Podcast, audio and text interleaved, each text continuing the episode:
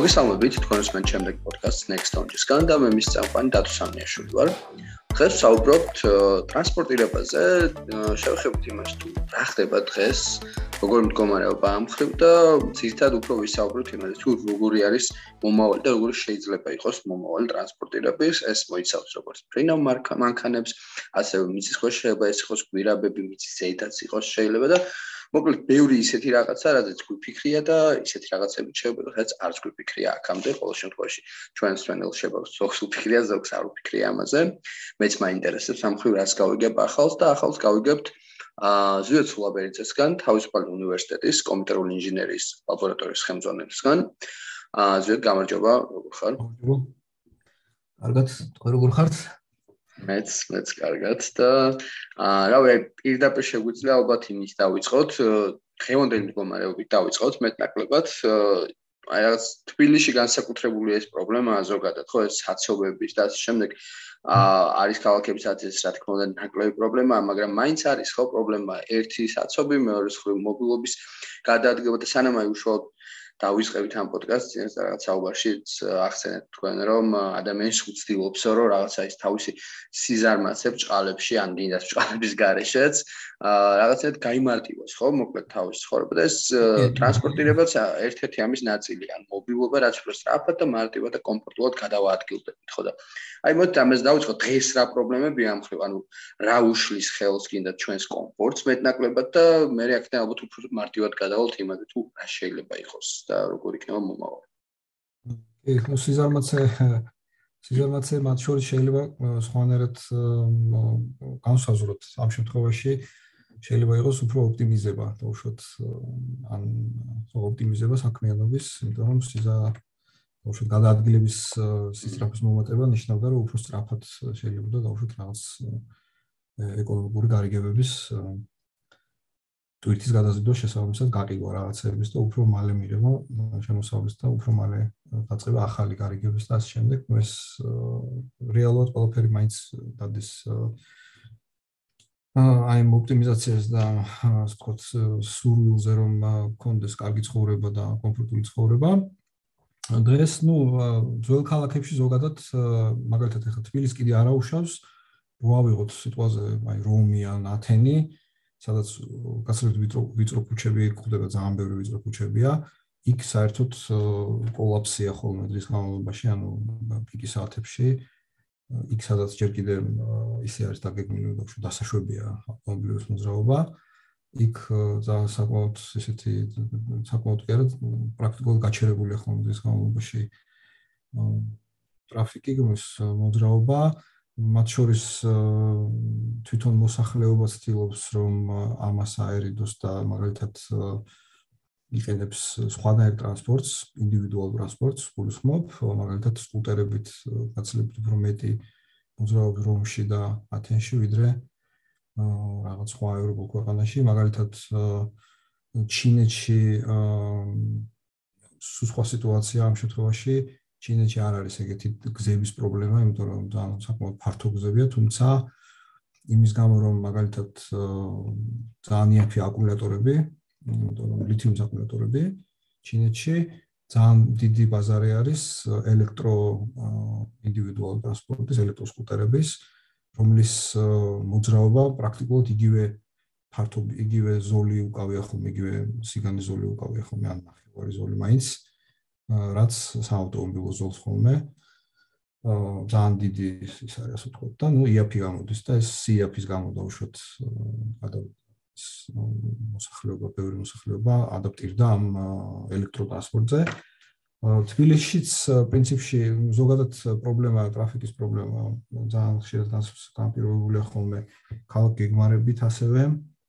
აა როდესაც ტყელი და ესეთი კარგი გეგმა ის არის ქალაქის ასე ვთქვათ რელიეფია იქ ჩანს კიდევ ოცხომე ესეც დიდ ქალაქებში სადაც ტყელი რელიეფია ეს ქუჩები ისე არის გაკეთებული რომ ძალიან ბევრი ამ მოსავლელი გზა შეიძლება იყოს ამ ეს დაქსელილია ეს ქუჩები რომ არ არის აუცილებელი რაღაცა ერთ ერთ გზაზე გაიარო შეიძლება სხვა გზაზე გაიარო თუ ის გზა დაუშვოთ ეს არის დაკავებული ან გადატვირთულია არის საშუალება მაგალითად მაგრამ ზოგი ქალაქი არის თვითონ რელიეფთან ლანდშაფტთან გამომდინარე ისე არის დაგეგმილი რომ იქ ისე გამოდის რომ დაუშვათ ხდება ესეთი ცენტრალური მაგისტრალური გზები, უბრალოდ თავარი თავარი გზები, ასე თქო, თელი ძირითადად ტრაფიკის გადამტანი გზები ჩნდება, რომელიც რომლის გვერდის ალბათ არ გამოდის. ანუ ძრო ხარ იქ გაიარო თუ სადაც გინდა წახვიდ, მოითა თბილისში არის ესეთი ადგილები, სადაც დაუშვათ ერთი წერტილიდან მეორე წერტილში რომ მოხვდე, აუცილებლად იმ გზაზე უნდა გაიარო, სხვა ვარიანტი არ გაქვს. ეს ზოგჯერ არის ხოლმე თვითონ აპირობებული თვითონ რელიეფით, ანუ გეოგრაფიული პირობებით. ან შეიძლება იყოს დაუშვათ თვითონ ქალაქის გეგმარების, ან ტრაფიკის გეგმარების, ან არასწორად დაგეგმით, ან დაუშვათ მოძველებული აა დაგეგმით, მოძველებული რომ დაუშვათ არ არის გასვალისწინებული რაოდენობა სატრანსპორტო საშუალებების, რაც მოძრაობს ქალაქში დღის განმავლობაში.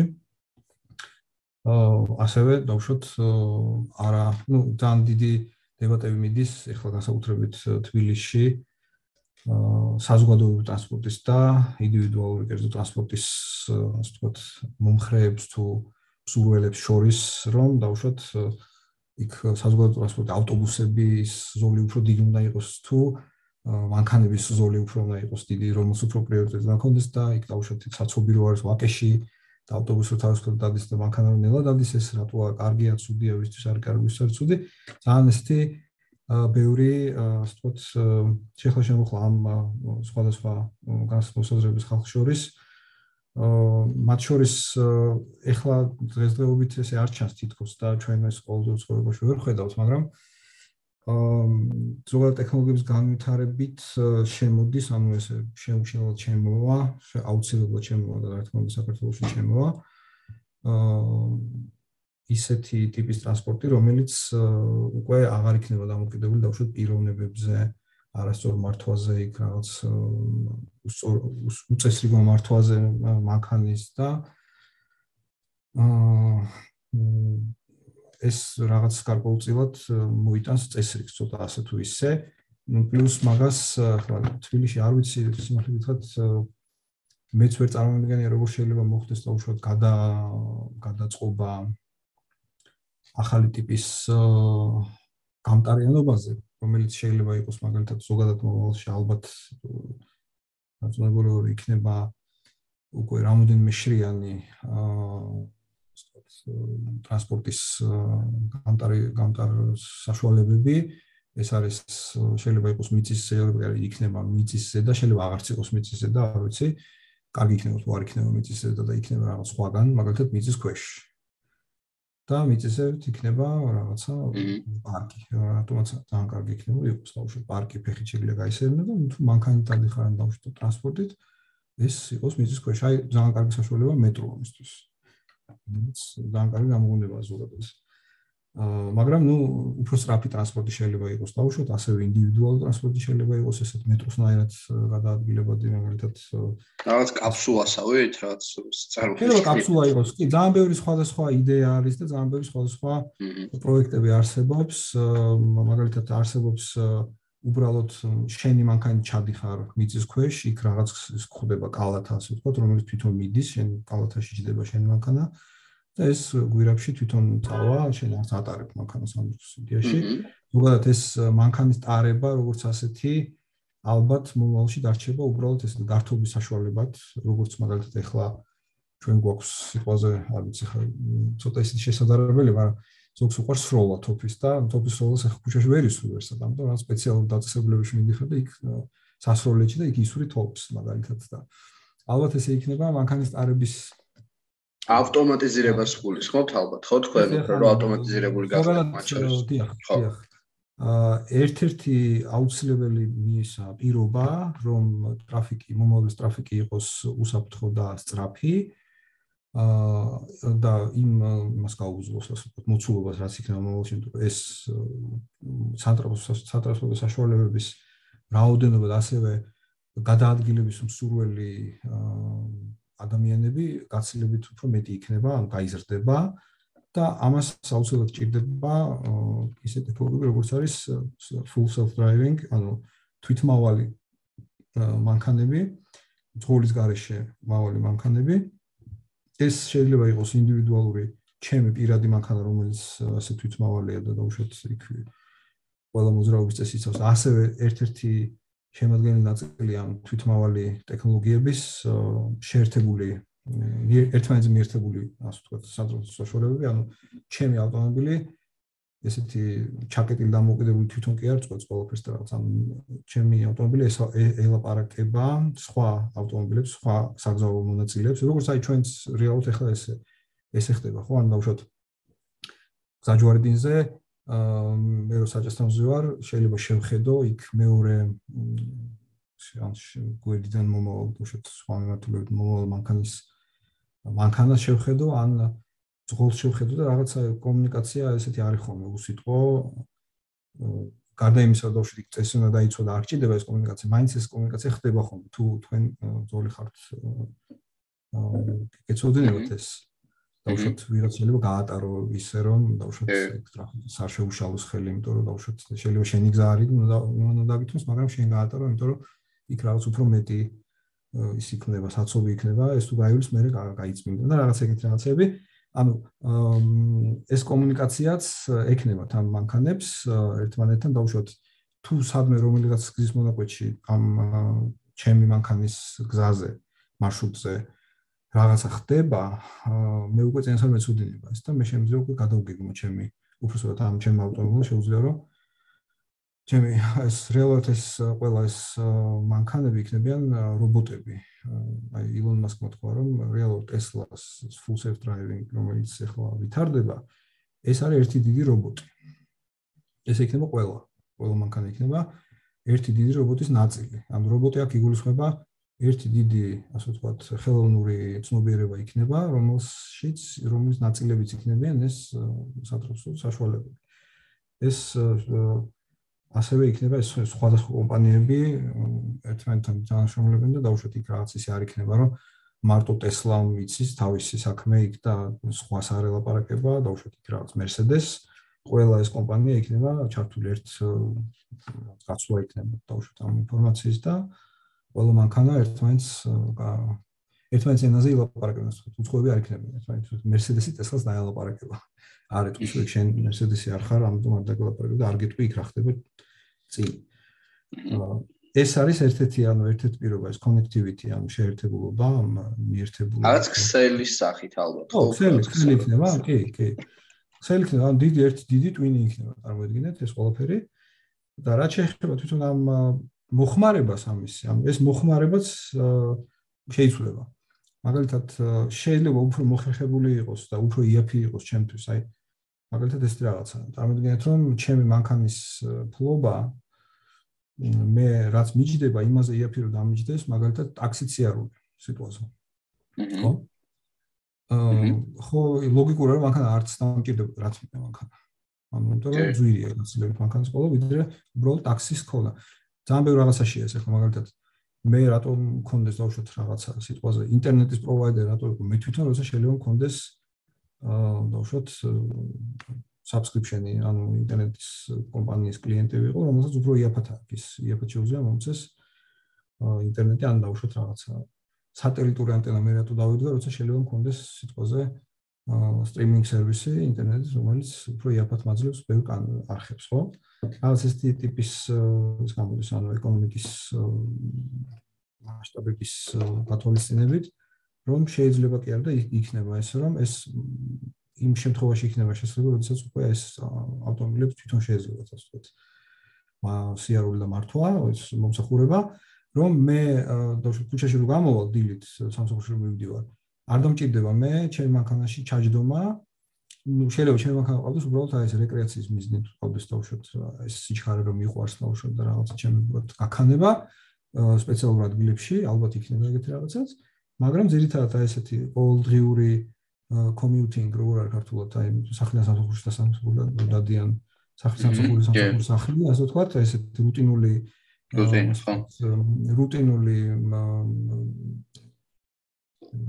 იმოსვლისთვის არ იქნება ეს მანქანა შენ საკუთარი ავტომობილი და იმ საცობებში და იმებში ლოდინი და რაღაცა შენი პრობლემა აღარ გიქნება მაგისი ანუ დააჭერ ტელეფონზე რაღაც გამოიძახებ, მოვა ესეთი, შეიძლება მოვიდეს მანქანა, მანქანის ფორმის შეიძლება მოვიდეს რაღაც კაფსულა.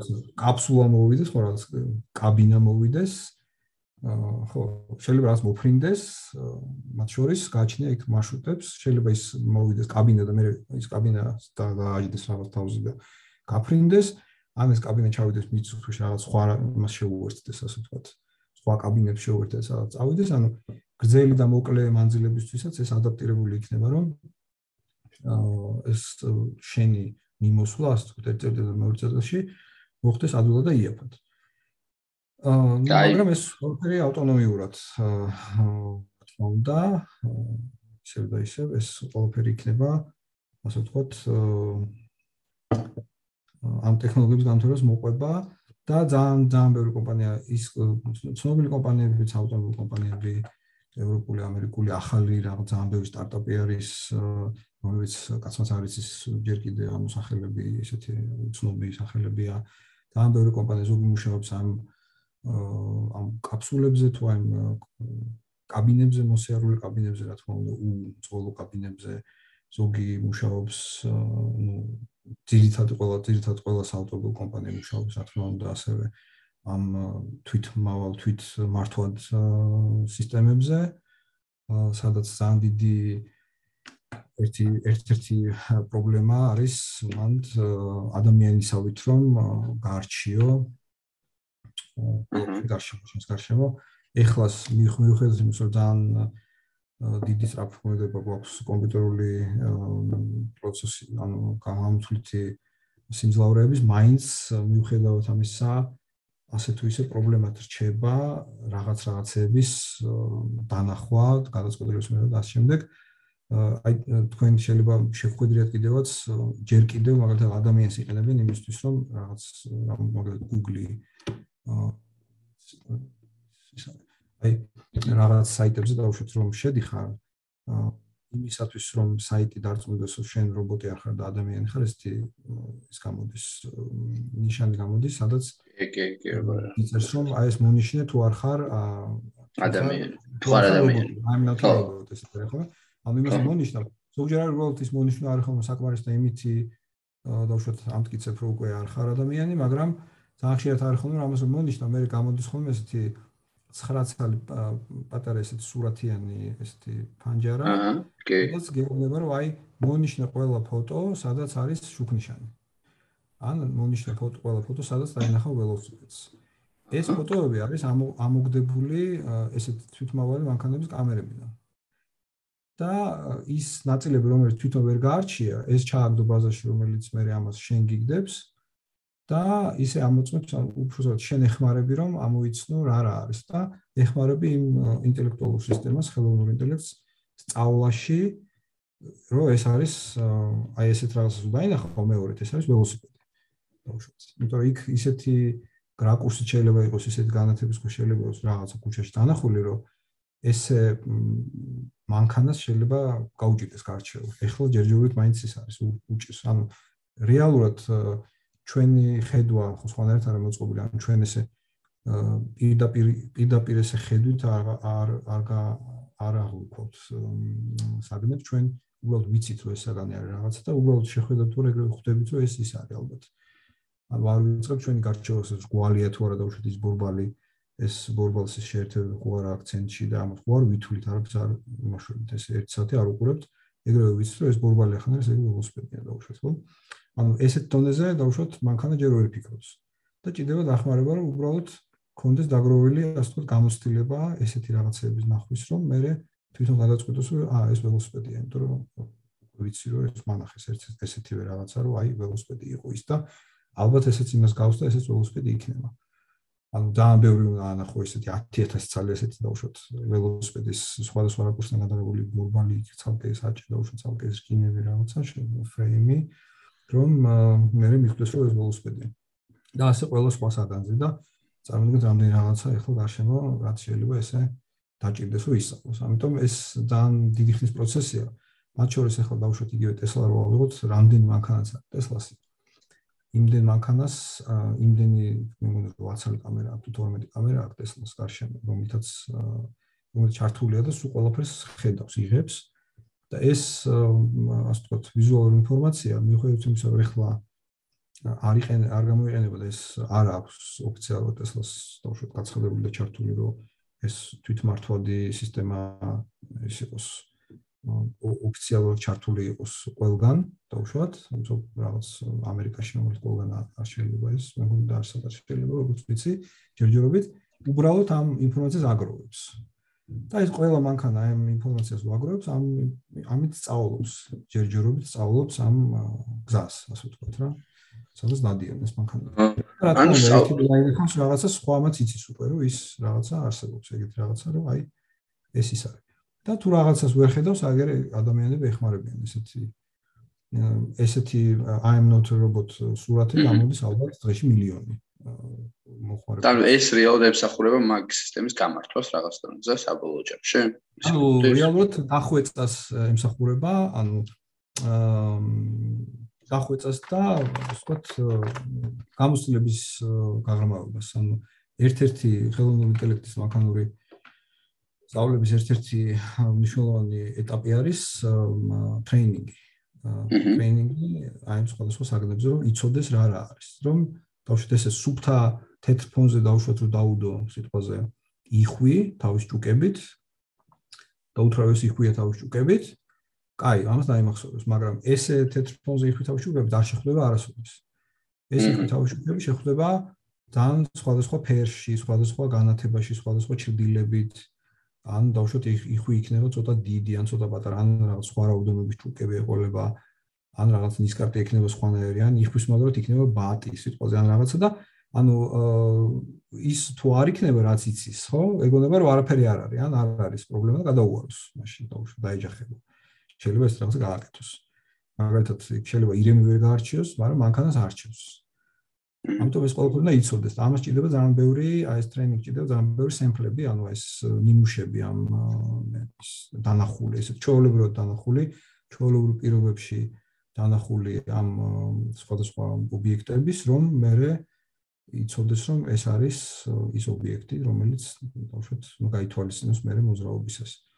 ეხლა დავუშვათ სულ სულ სულ მომავალში, როდესაც ძღოლები საერთოდ აღარ იქნებიან და სულაც ავტონომიური მოძრაობა იქნება, მან კიდე შეიძლება ამის წახმარება ამ სატრანსპორტო საშუალებების დავუშვათ გზაზე არსებული რაღაცა ტექნიკური საშუალებებით, მაგალითად გზაზე იქნება, აი შუქნიშანი შეიძლება საერთოდ აღარ იყოს.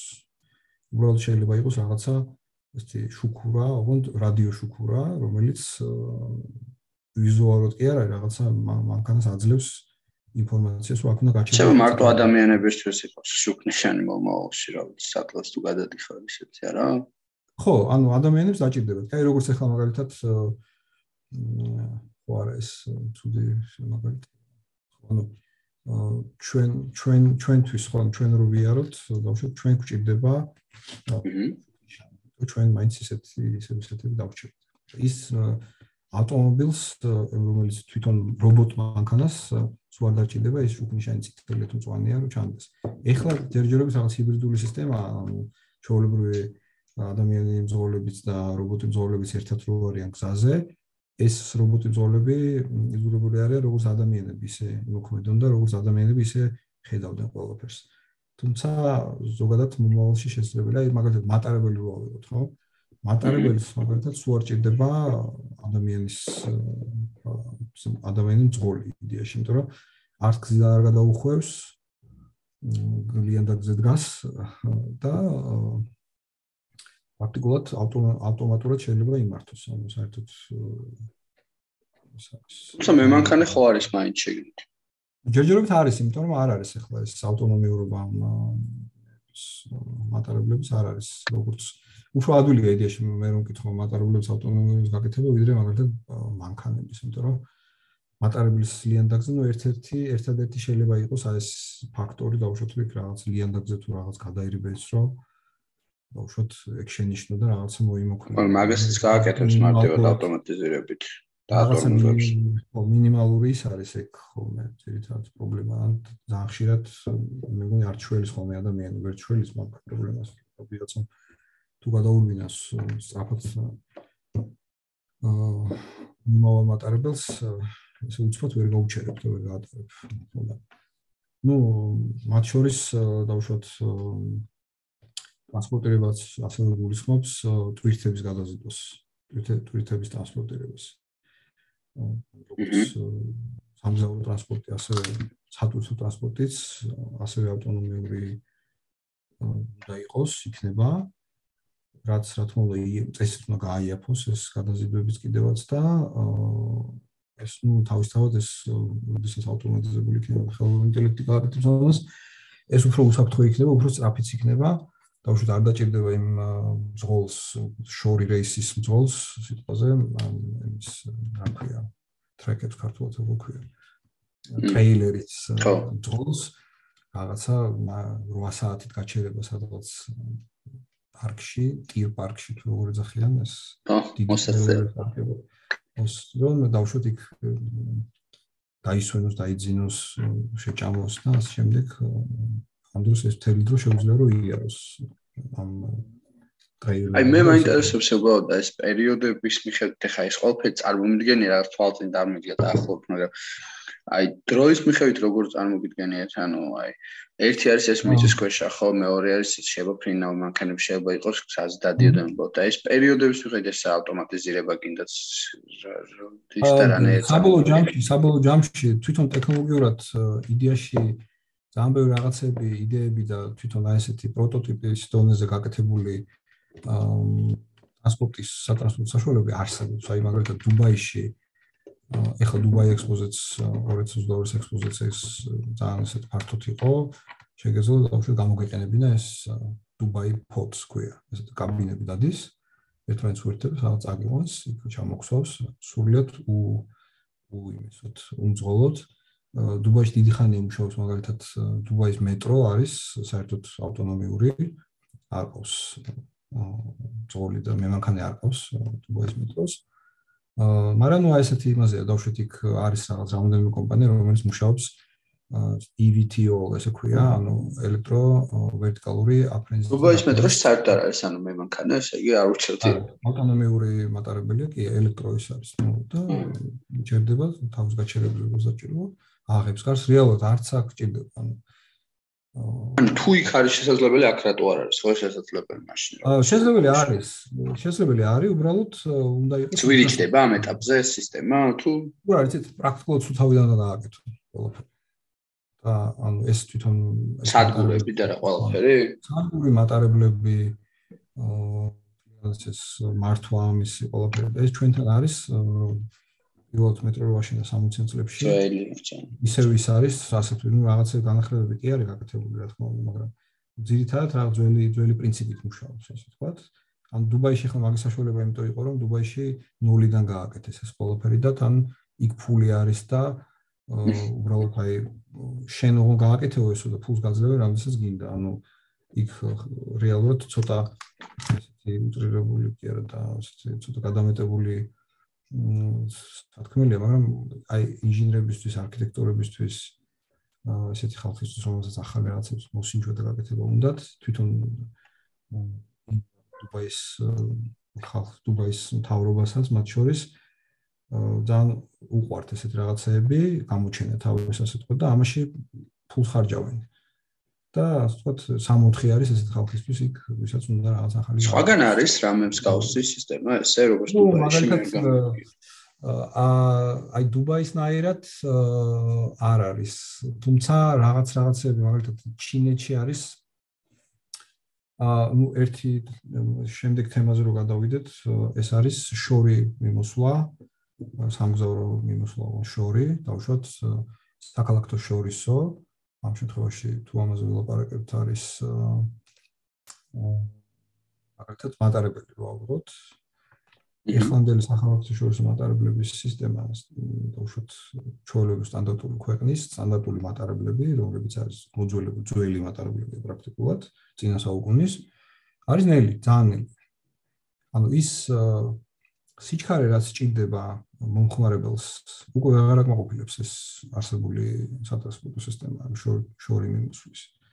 საჭირო არის გაცილებით სწრაფი ტრანსპორტი საქალაქო შორისო. აა როგორც არის მაგალითად აი ჩინელებს აქვთ ახლა ახლა ჩინელებს აქვთ იაპონელებსაც აქვთ იაპონელებს რა ქვიათ არ მახსოვს თავიანთი იმის ცხოველის ეს არის სახელი ქვია დრაკონის ამე აა არა, არა, არა. რაღაც ესეთი ცნობილი სახელი რომელსაც ახლა ვერ ვხსენებ. ჩინელთან bullet train, რომელიც 350 კმ/სთ სიჩქარეს სუფთად, ანუ 358, 350 ესე მეყევს ხოლმე. აა ანუ აქედან რო ბათუმს ჩახვიდა 1 საათში. ხო. ანუ ვარ ნაჯდომი და ძალიან სასწაული. რუზი ხარ საერთოდ ვერ გქონს ჩერტვი. ვერ გქნობს საერთოდ? ერთადერთი შეიძლება იმაზე მიხვდე რომ გვერდზე რომ მატარებელი ჩაგივლის ეგეთივე სიჩქარეც.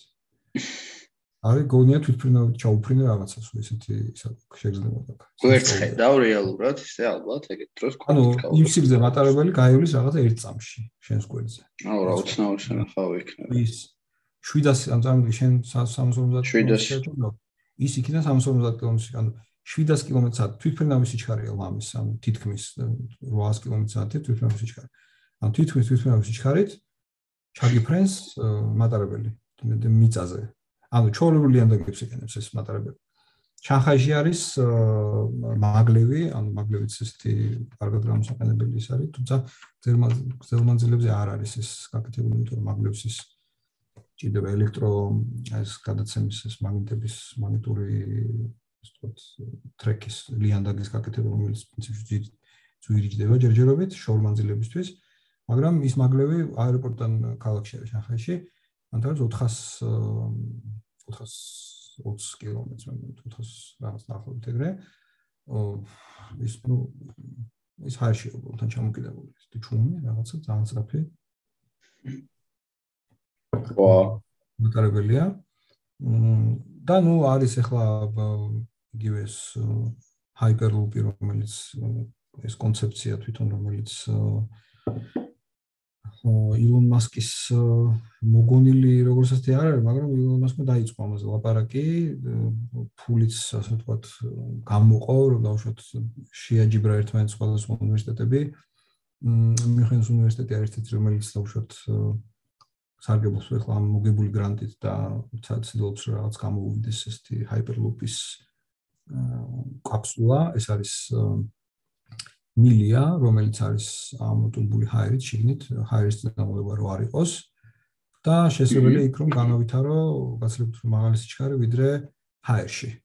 და დავუშვათ ახვიდე თითქმის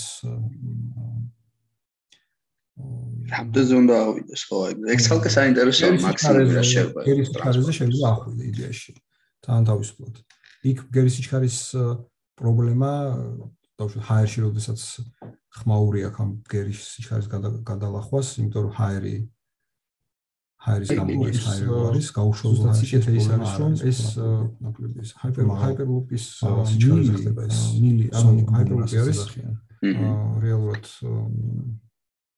ესეთი საფოსტო სერვისი იყო შენობებში ამერიკაში საუკუნის წინა საუკუნის დასაწყისში pipe mail-ს ეძახდნენ. Pipe mail ანუ მილების პოსტა მილებში პოსტა თუ მილების პოსტა მილებიანი პოსტა პოსტა მილით ასე ვთქვით ას ეს რაღაცა იყო ანუ ესეთი მაღალი სათამბჯენებელი და ბევრი კომპანიები რო საბიზნეს ბევრი ბიზნესები რო კომშენობებში ამ შენობების სარდაფებში იყო საფოსტო სერვისი ამ შენობებისთვის, მოწყობილი. თავშოთ ეს კორესპონდენცია ძირთად იყო გაზეთები, ხალხები, წერილები მიწერა და შემდეგ, რაც შემოდიოდა ხოლმე პოსტალიონსაც მოქონდა ხოლმე, უამრავი, იმიტომ ძალიან ბევრი ბიზნესები იყო, წარმოიდგინეთ ხა 70 სართულიან სახლში. თითო სახლზე იყო შეიძლება ბევრი კომპანია. ეს კორესპონდენცია ეს წერილები რომ შემოდიოდა ხოლმე ეს წერილები რაღაცნაირად მიეტანათ მე რა ყველა ბიზნესისთვის და ყველა ამ ასე ვთქვათ ოფისში გაყვანილი იყო ესეთი გამჭვირვალე მილები. შუშის მილები. და ესეთი უზარმაზარი ამქშენი ტუმბო იყო ჰაერის ტუმბო იყო შეერთებული ამ მილებზე და ეს ტუმბოები ამ მილებში უბერავდა უბრალოდ ჰაერს. და ეს დავშვი წერილი, რომელიც რომელიღაც კონკრეტულად სიტყვაზე რაღაც მე-17 სართულზე რაღაცა კომპანიაში უნდა გაეგზავნოთ, ხო? მიეტანოთ. სპეციალურ კაფსულაში იდებოდა ეს ჩახვეული რგვალი ფორმის კაფსულა იყო. ეს გახსნილი ამ მილს ერთი გვერდიდან თავში დასაწყისში მილის ერთ ბოლოში ჩადებდი ამას დაკეტავდი ჩართავ გახსნილი ამ მილის ჰაერის მიწოდებას და დაუბერავდა ჰაერს და ამ გააგდებდა ამ ჰაერით ამ მილს იმ იმაში ზუსტად. ამ ყველა იმ ოფისს ქონდა თავისი მილი. და ეს ჰაერის შებერვით მიდიოდა ეს მილი პირდაპირ იმ ოფისში ჩამოვარდებოდა ხოლმე ეს წერილი. აა ფილმებში არის. მაიკლერი. ხოლო ესეთი რაღაც ეგეთი რაღაცა გამოდის, ანუ ყველა ამ ქალაქს აკავშირებს ეს მილები, შუშის მილი შეიძლება შეიძლება იყოს ახურული მილი, სადაც კაფსულები დაფრინავენ ამ მილში. თუმცა ამ განსხვავება ის იქნება, რომ ამ კაფსულების მოძრაობის მოძრაობას კაფსულები მაგნიტური გაგდების ძალით აკეთებს, ძირითადად ეგრე იქნება ალბათ, მე ვფიქრობ. ან ყოველ შემთხვევაში ეს ილონ მასკის აა გამოცხადებული კონკურსის შედეგად გამარჯვებული მიხენის უნივერსიტეტის გუნდი არის, რომელიც ახლა მუშაობს ამ Hyperloop 1, ასე ქვია. ეს ამ კაფსულზე ამ კაფსულაზე, რომელიც მაგნიტური სისტემით მოძრაობს. ანუ ეს მაგნიტზე დაკიდებული იქნება კაფსულა იქნება და ნუ ერთ-ერთი ასე ვთქვათ პლუსი კი არა და მნიშვნელოვანი ის უნდა იყოს აქ ამ ხარა მოძრაობს ამ კაფსულა მაქსი შარე ალაბარაკი არის მაგათ 1500 კილომეტრი საათში რეალურად თვითონაც ხარა ხო რეალურად თვითონაც ხარა ხო ანუ დაახლოებით შეიძლება იყოს ეს გერის სიჩქარე შეიძლება გერაზე უფრო სწრაფი. და არის რამე ისე ლიმიტი, რაც აი კიდეც მაგას შეიძლება კონდეს სიჩქარის მხრივ, ანუ რა არის ლიმიტი დაახლოებით, რა წარმოვიდგინოთ ძალიან დიდი სიჩქარეებით დამეინტერესო. ერთ-ერთი ლიმიტი, ერთი ლიმიტი არის ჰაერი თვითონ. აჰა. ატმოსფერო. აა მაგალითად ალბათ ეხა ზებგერითი სიჩქარის იყოს გერაზე ორჯერ სწრაფი სიჩქარეც არ არის პრობლემა ჰაერისთვის ზოგადად უბრალოდ იმხელა წინააღმდეგობა ხდება უკვე ჰაერის. ო ძალიან დიდი ენერგიის დახარჯვა გჭირდება რომ ეს გადალახოს ჰაერის წინააღმდეგობა. და ეს იმხელა ენერგიის იმხელა ხარჯია რომ უკვე ითვლება რომ არ არის რენტაბელური ესეთი სისტემა, როდესაც შენ იმდენ ენერგია დახარჯო რომ ასე საერთოდ წახვიდე. ამიტომ ერთ-ერთი კაი საშუალებაა რომ სწრაფად წახვიდე ეს მილებიც მაგიტომ არის მაშინ არც იქნებოდა ეს მილები რაღაც რაღაც საჭირო იქნებოდა. პირდაპირ ისე ზევიდან ივლიდან როგორც მაგალითად აი ჩინური ატარებლები რო არის 60-50 კმ/სთ მაგაზე კიდე ცალკე გეტყვით ტრანსპორტის სამინისტროს მაქვს ნავაპარაკები ჩინეთის და ეხა 700 კმ/სთ-იან ატარებელს აპირებენ გააკეთონ. რეალურია ეგეთი ის რა არის როცა იძახიან აკეთებენ ხოლმე თან ეს დარწმუნებით იძახდა რომ გააკეთებენ. ასე გონია შედარებისთვის უბრალოდ წარმოდგენისთვის მინდა აი ჩვენთან უსწრაფეს მატარებელი ასჭკარი სამთავროს საქართველოსაც მოძრაობს მაგრამ სწრაფსაც იძახიან მაგრამ ალბათ ну აი ბათუმში ჩადის 5 საათში მაგალითად ეს შტადლერი ეს ორსართულიანი მატარებელი ხო? ბათუმში 5 საათში რო ჩახვიდე ეს არის ბათუმი არის 400 450 კილომეტრი. აჰა. დაახლოებით საათში 100 კილომეტრზე ნაკლებია ცოტა. საშუალოდ. ჩონელი შედარება არის. ხო, ნელია. ნუ იქ რაღაცა თვითონ სადგურსა და სადგურს შორის შეიძლება ერთი 100 რაღაცაზე ავიდეს, მაგრამ ძალიან ჩქარიც ვერ არის. ამიტომ ეს თვითონ ლიანდაგების ინფრასტრუქტურაზე დამოკიდებული ეს სიჩქარე და თვითონ მატარებლის ფორმაზე და ასე შემდეგ, იმიტომ რომ ხა იქ ის ჩინური და ეს იაპონური მატარებლები რომელიც არის ისეთი წაგზელებული ისეთი წვეტია, ჰაერის წინააღმდეგობა რომ არ კონდეს. ანუ ესენ 350 ამითარებენ, ხო, მითხარით? ხა ამ ეტაპზე ყველა სწრაფი მატარებლები. კი, ანუ ყველა სწრაფი მატარებელი აა პრინციპში ხო, აი ეს ჩინური bullet train-ი ამ თავის 350-ს მაგაზე სწრაფი არ არის, მე მგონი არც ერთი. და ეს რამდენად ის არის? ანუ ხშირი მოხმარებაში აქვს ჩაშვებული თუ აი 1-2-ია ესეთი არ ვიცი. არა, ეს არის თითქმის აი ჩაოლობრივი ის არის. აა ანუ ჩაოლობრივი ამბავია Android ეგეთი. ჩაოლობრივი ამბავია, ანუ ძვირია, ვიდრე ჩაოლობრივი მატარებლების დადის. მაგრამ ეს სტრაფი მატარებელი ძვირია ეს გაცილებით. ანუ შეიძლება ბათუმში იმუშაო თავისუფლად თბილისიდან, რა, ეს გავს ტრანსპორტით რა, ზორამეში. ანუ რეალურად ჩვენ სიტყვაზე არ ვიცი გლდანიდან იმაში რომ მიხვიდე სიტყვაზე თავისუფლების მოედანზე იგივე დრო გინდა რაც მაგმატარები დაგჭირდება თბილისიდან ბათუმში ჩასვლა ხო მაგას ხო აა და ნუ მაგრამ ეს ახლა ჩინეთში კონკრეტულად თუ ვილაპარაკებთ ჩინეთში ახლა ჯერჯერობით ძვირია ეს მაგალითად აა პეკინდა შანხაიში რო ჩახვიდე ეს არის დაახლოებით 700 კილომეტრია პეკინი შანხაი დაახლოებით რამდენი ხანი ჩავედით? 3 საათიც არ დაჭირდა. 3 საათი დაახლოებით 3 საათ ნახევარი მეგონი და ნუ ძვირია მაგალითად ერთი გზა ღირს სადღაც 100 დოლარი. როდესაც ძვირია ძვირია გაცილებით იაფია ფრენის სხვა ქვეყანაში გაფრინდა რაღაც მეფის რაც ყოფილიყო ახლა.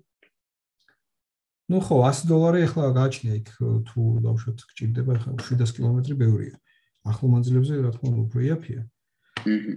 მაგრამ ну როცა სწრაფად გინდა რომ მოხდეს ალბათ თვითმფრინავზე იაფი არის ყოველ შემთხვევაში მატარებელში ან უფრო სწრაფად ჯდებით თვითმფრინავ მატარებელში და გადმოდიხარ იმიტომ ქალაქში ხარ უკვე ვიდრე აეროპორტიდან მე კიდე 3 ხო. ეს Hyperloop-ს შეეხება, ანუ Hyperloop-ი რეალურად ერთ-ერთი აი ესეთი სწრაფი ტრანსპორტის საშუალება ახლო მანძილებზე.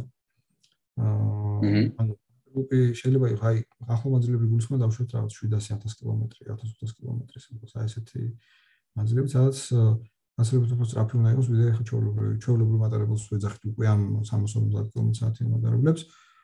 აა იმიტომ რომ აქ ჰაერის პრობლემა აღარ გვაქვს, აა ერთადერთი პრობლემა შეიძლება იყოს აი ეს მექანიკური მიბმა, თქო ამ ლიანდაგზე რომ არ გადავიდეს ლიანდაგიდან. აი ეს არის ერთ-ერთი ის და დავუშვათ იქ შიგნით თვითონ ბუნებრივი პირობები შექმნა ისეთი რომ დავუშვათ ადამიანი არ გახდეს ცუდად ამ სიჩქარეზე. დავუშვათ აჩქარება იყოს რასაც ვერგზნობ ხო შიგნით სიტყვაზე ამ ეტაპზე 350 კილომეტრზე რო ამბობ აა მატარებელს რა შეიძლება? მატარებელს ხო არა ვერა იმიტომ იქ ეგ არის ჩოლებრივი ის არის მაგრამ აჩქარებას ახდენ ნელა უბრალოდ მაგალითად უცბად სწრაფად კი მაშინ რომ მიგაკრავს სავარძელზე ეს ის რაფათ არ იწყებს სიჩქარის აკრეფას გაცილებით ნელა იწყებს სიჩქარის აკრიფას, ანუ ნელა იზრდება სიჩქარე და შენ ვერ გზნობ ამ სიჩქარის მომატებას და უკვე 350 კილომეტრზე ვასული, ვა, უკვე 350 კილომეტრზე ჩართ მიდივართ, მაგრამ თვითონ მოძრაობაში ეს არ იგზნობა. კონკრეტულად როგორი ეს შემხედრო მომატებელმა შეიძლება გაგახსენოს, რომ ძალიან ჩქარა მიდიხარ, იმიტომ რომ ის შეხედა ისე 350-ით შენ 300 კმ/სთ გამოგდის ის ერთ ორივე ერთად რო შეიგრება რომ სიჩქარე და ის რა იქნება ახლა წარმოვიდგინე 700-ით რო აქედან მიდიხარ და ის 700-1400 რა იქნება საერთოდ? მან მან ალბათ უკვე იზოლირებული ვეღარ დაინახო. მაითისგან კი და იქ ის არის ვერ დაინახავ ახლა. გლიჩივი რაღაც იმასავით იქნება უცებ წამიერ, ვერ დაინახავ. ეს ჩაი კაი გაიელვებს და ეგა. თვალის დახამხამება იქნება ნამდვილად. ნუ ეს შორი შორი მიმოსვლის ну არის კიდე დავუშვათ რაღაცა იდეები და ვთქვათ ჯერჯერობით იდეების დონეზეა ერთადერთი თან ის იდეა აქვს ისევე Elon Musk SpaceX-ის აა Starship-ის გამოყენებით შესაძლებელი იყოს აა Starship არის რაკეტა, რომელიც არის მრავალჯერადი გამოყენების. თან თლიანად არსე რო აქვს იმედი რომ გაგვიყვანს. Fully reusable ეს არის იგულისხმება რომ პირველი ტოიმის ეტაპის პირველი stage-იც და მეორე stage-იც, ანუ ორივე, ასე ვთქვათ, რაკეტის ორივე ნაწილი ზოგადად რაკეტას დედამიწაზე ფრენდ ჭირდება ორი ნაწილად არის საჭირო, ზოგადად სამ ნაწილად არის საჭირო აფრინდეს, იმიტომ რომ პირველი ნაწილი ერთ მარტო უბრალოდ დიდი ზომის საწვავის ასე ვთქვათ აუზია რომელიც მიფრინავს და მიაქვს ეს ზევით რაც არის ყველაფერი. მე რაღაც ნაწილზე ეს ძურება ეს რომელიც ამ სიჩქარეს ძენს და მე უკვე მაღალ სიჩქარეზე ისინი შორდება და უკვე სუბუქდება და მეორე ეტაპი ირთვება. და მე ეს მეორე ეტაპი ან უკვე კოსმოსში გაყავს კოსმოსურ ვაკუუმში გაყავს უკვე და უკვე საკმაოდ სიჩქარე აქვს აკრეფილი ან დავუშვათ რაღაცა ეტაპზე კიდე მე მესამე სტეიჯი ირთვება, სხვადასხვა რაკეტის სხვადასხვა ტექნიკა. ეს Starship-ი არის ორ ორ ეტაპიანი, პირველი ეტაპი ეს ბუსტერი, რომელიც რომელსაც აყავს დაახლოებით ალბათ 100 კილომეტრზე აიყვანს, ანუ იმ კარმანის ხას გადასწდება. და მე უკვე მეორე ეტაპის დრაობის მოიხსნება, ეს უკან ჩამოფრინდება ეს პირველი ბუსტერი, ანუ ეს fully reusable ან ბოლომდე მარალჯერადი გამოყენების გულისხმობა, რომ ორივე ეს stage, ორივე ნაწილი ამ რაკეტის ისევ გამოყენება შეიძლება თავიდან, ეს ნიშნავს, რომ უკან უნდა დაბრუნდეს და უნებელი უნდა დაждდეს უკან. ეხლა თქვენ გეცოდინებათ და ყველა მიცის, რომ SpaceX აქვს ეს მაგდენი უკვე გამოცდილება, რომ რაკეტა უკან დასვას ისე ვეტოვებაში ხო ეს Falcon Falcon 900-ზე დაფრინავს. თუმცა Falcon 900-ში ეს ბუსტერი არ რაოდენჯერ გამოყენებს მაგრამ თვითონ ეს მეორე ეტაპის ნაწილი რომელიც უკვე იქ ეხსნება და იქ აგრძელებს ზევით მოძრაობას კოსმოსში ის არ არის რაოდენჯერად გამოყენების, ის რეალურად მე იკარგება ხოლმე და იწובה, ის ატმოსფეროში მოძრაობა იწובה.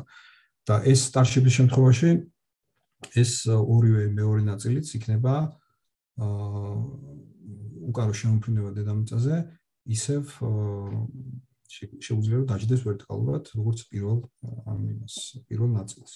აქ განსხვავება ის არის რომ როდესაც პირველი ნაწილი ჩამოდის, პირველ ნაწილს უფრო ადვილია ეს, იმიტომ რომ აი თუ დაგვირებულ ხართ იგივე Falcon 3-ის გაფრენას, გაფრენას SpaceX-ის ნებისმიერი აფრენისას, ეს რაკეტა ჩაოლებრივი რაღაცა თეთრი ფერის რაკეტა, რომელსაც არაფერი არც ბავშვად ის აქვს სიცხის სიცხის დამცავი ფენა, არაფერი არ აქვს. ან ცეცხლის ცეცხლამძლე ფენა არაფერი არ აქვს, უკან ბრუნდება დედამიწაზე. არ არ ეკიდება ცეცხლი ასე ვთქვათ, იმიტომ რომ ხელას ისარი არ აქვს ეს პირველ ეტაპის მოხსნის დროს, პირველ ეტაპის ჩახსნის დროს. ჯერ ისეთ სიჩქარეები არ არის. მაგრამ მეორე ეტაპი უკვე რომელიც გადის ორბიტაზე, იქ საჭირო არის რომ საკმაოდ მაღალი სიჩქარე განავითაროს, რომ არ ჩამოვარდეს. რომ დედამის გარშემო შეიძლებაოდეს შეეძლოს ბრუნვა. ამ შემთხვევაში ეს მეორე ეტაპის რაკეტა იმ ხელას სიჩქარეს განვითარებს, რომ უკან დედამიწის ატმოსფეროს შემოსვლისას ამ მაღალი სიჩქარის გამო ეს რაკეტა გაცხელდება ამ ჰაერთან შეხებისას ხახუნისას და ამისათვის ჭირდება სპეციალური ფენა. იმ ფენით არის ასე ვთქვათ მიშვერილი იმ ატმოსფეროს ხარეს დედამიწის ხარეს როგორც შემოდის და ეს ფენა ამ ფენამ უნდა გაუძლოს ამ სიცხეს 3500 გრადუსი აკლაპარაკი და ამ რაკეტას არაფერი არ მოუვიდეს და მე როგორ შემოაბოლოს უნდა დაждდეს ეს ეს ვერტიკალურად და ისე უნდა შეძლოს მე აფრენა უკვე. ანუ ამას ახლა ცდილობს რომ გააკეთოს რაღაც პროტოტიპებს აკეთებს ახლა და ეს ეს ესვე ასე ვთქვა Starship-ი იდეაში შეუძლია რომ გამოიყენოს რომ მაგალითად ნიუ-იორკიდან რო აფრინდეს ეს ორივე სტეიჯი ავიდეს ახლო ორბიტაზე მაგალითად 200 კილომეტრზე სიტყვაზე ეს პირველი ეტაპი ჩოლოდ მოიხსნება, ეს მეორე ეტაპი გააგრძელებს მოძრაობას და დაუშვათ გადაფრინდება რაღაც ნახევარ დედამიწას გადაიფრენს უწყვეტ ნახევარ საათში, იმიტომ რომ ისეთი მაღალი სიჩქარეებია უკვე რომ ძალიან ადვილად შეუძლია სიტყვა ნიუ-იორკიდან შანხაიში ჩაფრენდეს რაღაც 28 წუთში დაუშვათ. და იქ მე ვერტიკალურად ისე დაждდეს იქ პლატფორმაზე და ის ხალხი გადმოვიდეს იქიდან და რაღაც როგორც თვითფრინავის ში კოსმოპორტში მივიდა, აფრინდნენ, აფრინდნენ იქ რაღაც ისეთი იდეა აქვს, ანუ არის კონცეფცია აქვს ესეთი SpaceX არის პრეზენტაციების კონი ამაზე. ვიდეო ასე ვთქვათ, ისინი არის გაკეთებული პრეზენტაციაც აქვს გაკეთებული, სადაც ეს ყველაფერი არის ასე თვალსაჩინოდ ნაჩვენები როგორ უნდა რომ იყოს, როგორ შეიძლება რომ იყოს. თუმცა ეს არ ვიცი, რამდენად შესაძლებელი იქნება 30 წელიწადში, შეიძლება იყოს შესაძლებელი, იმიტომ რომ ზოგადად თვითონ კონცეფცია მუშაობის SpaceX-ის და Elon Musk-ის არის ესეთი, რომ აი ეს ინოვაციურობა და ახალი რაღაცების დატესტვა უნდა გააკეთოს ძალიან სწრაფად. თუ არ იქნება სწრაფი ინოვაცია, თუ არ მოხდება სწრაფი გამოგონება ახალი რაღაცების და სწრაფი იტერაცია, სწრაფი დატესტვა, მე ისო ახალი რაღაცების დამატება, ისე დატესტვა. აა პროგრესი არ იქნება. ანუ rapid innovation არის პროგრესის ერთ-ერთი დღევანდელ სამყაროში პროგრესის ერთ-ერთი მატარებელი ასე ვთქვათ. აა ანუ ეს არის ესეთი ყველაზე ყველაზე high მაღალი დონის ტრანსპორტი რაც შეიძლება იყოს რომ ეს კოსმოსური გადაფრენა იქნება ასე ვთქვათ რამოა თუმცა მაგალითად იგივე გეიმების თემაც ძალიან მარტივი თემაა მე ფლი ანუ გეიმების მიმოსვლას მე რომ ვკითხო საერთოდ არ მეჭirdებოდეს ადამიანები. ერთადერთი ნუ ესეც ხო არ ვიცი, უნებრივი პირობების სხვათა შორის იყო ესეთი რაღაცა, სულ ცოტა ხნის წინ მქონდა next მეც უნდა დავწერე იმაზე იყო ნიუსივით იყო, რომ ერთ-ერთი გემი გაუშვეს, ესეც საცდელად და სულად ავტომატიზირებული იყო, ხელოვნური ინტელექტი მართავდა და ინგლისიდან ჩააღწია ამერიკის კონტინენტამდე, რომ რომელიღაც ქვეყნებს დამოსვათ და ანუ რეალურად მან ანუ ერთადერთი ეს რაც შეიძლება იყოს, რომ ადამიანი არ ვიცი რა შეიძლება დაჭირდეს ადამიანი. უბრალოდ ძალიან ესეთი რთული მოწყობილობაა გემი, სადაც შეიძლება რაღაც ისეთი მოხდეს, რასაც ადამიანის გარეშე დაუშვას, რაღაც დაზიანდეს იქ ძრავში ან რაღაც იმდენი რაღაცა აქ, რომ შეიძლება ადამიანი ჭირდებოდეს, ანუ სულ იქ რა უშუალოდ ყოველდღე მიაქცევს, მაგრამ ალბათ შეიძლება ისე გაკეთდეს, რომ ახლა ნუ რაღაც ერთი კვირა ისე მუშაობს იმ ძრავმა, რომ არ გაფუჭდეს. დაუშვათ ელექტროძრავი თუ იქნება, შეიძლება უფრო ნაკლები პრობლემა ქონდეს, იმიტომ ძირითადად ეს ძრავის პრობლემა შეიძლება იყოს რაღაცა ესეთი რთული შიდა შიდაწვის ძრავი, იქ ასე დიზელის რავებია, რომლებიცაც 1000 რაღაცა აქვს. კვების სისტემა გაგრილება იქ 1000 რაღაცა, რომელიც შეიძლება რაღაც გამოვიდეს წყობიდან და წყობრიდან და მაგის გამო შეიძლება დაჭირდეს იქ ადამიანები. თუ ეხლა იქ შუა მასში ოკეანეში უცბად რაღაცა მოვიდეს, შეიძლება გააგებინოს იქ საუშო თავის კომპანიას, მაგრამ ვიღაც უნდა იყოს ჩაფრინდეს მაშინ და იქ უფრო ძვირი იქნებოდა. ჯობია ვიღაც გააყოლო მაშინ პროექტი იქნება. ჯერჯერობით ესეა, მაგრამ ნუ რაღაც ეს დავშვით ელექტრო მე მგონი ის გემი იყო ელექტრო, როგორც მახსოვს. კი, კი, ელექტრო იყო ნამდვილად, კი ბატონო. მაგი ეგ ეგ ყველაფერი მაგამდე დადის, რომ უნდა იყოს ელექტრო, იმიტომ რომ ზის ენერგიაზე მუშაობდა, ბოდიში, ზის ენერგიაზე მუშაობდა. ხო, ნუ ხო, ის შესაბამისად ძრავებიც იქნებოდა ელექტრო, ანუ კი. საბოლოო ჯამში ელექტრო ელექტრო ძრავები გაძლევს იმის საშუალებას, რომ უფრო ნაკლები ნაწილები კონდეს. აჰა, თვითონ მოწყობილობაში.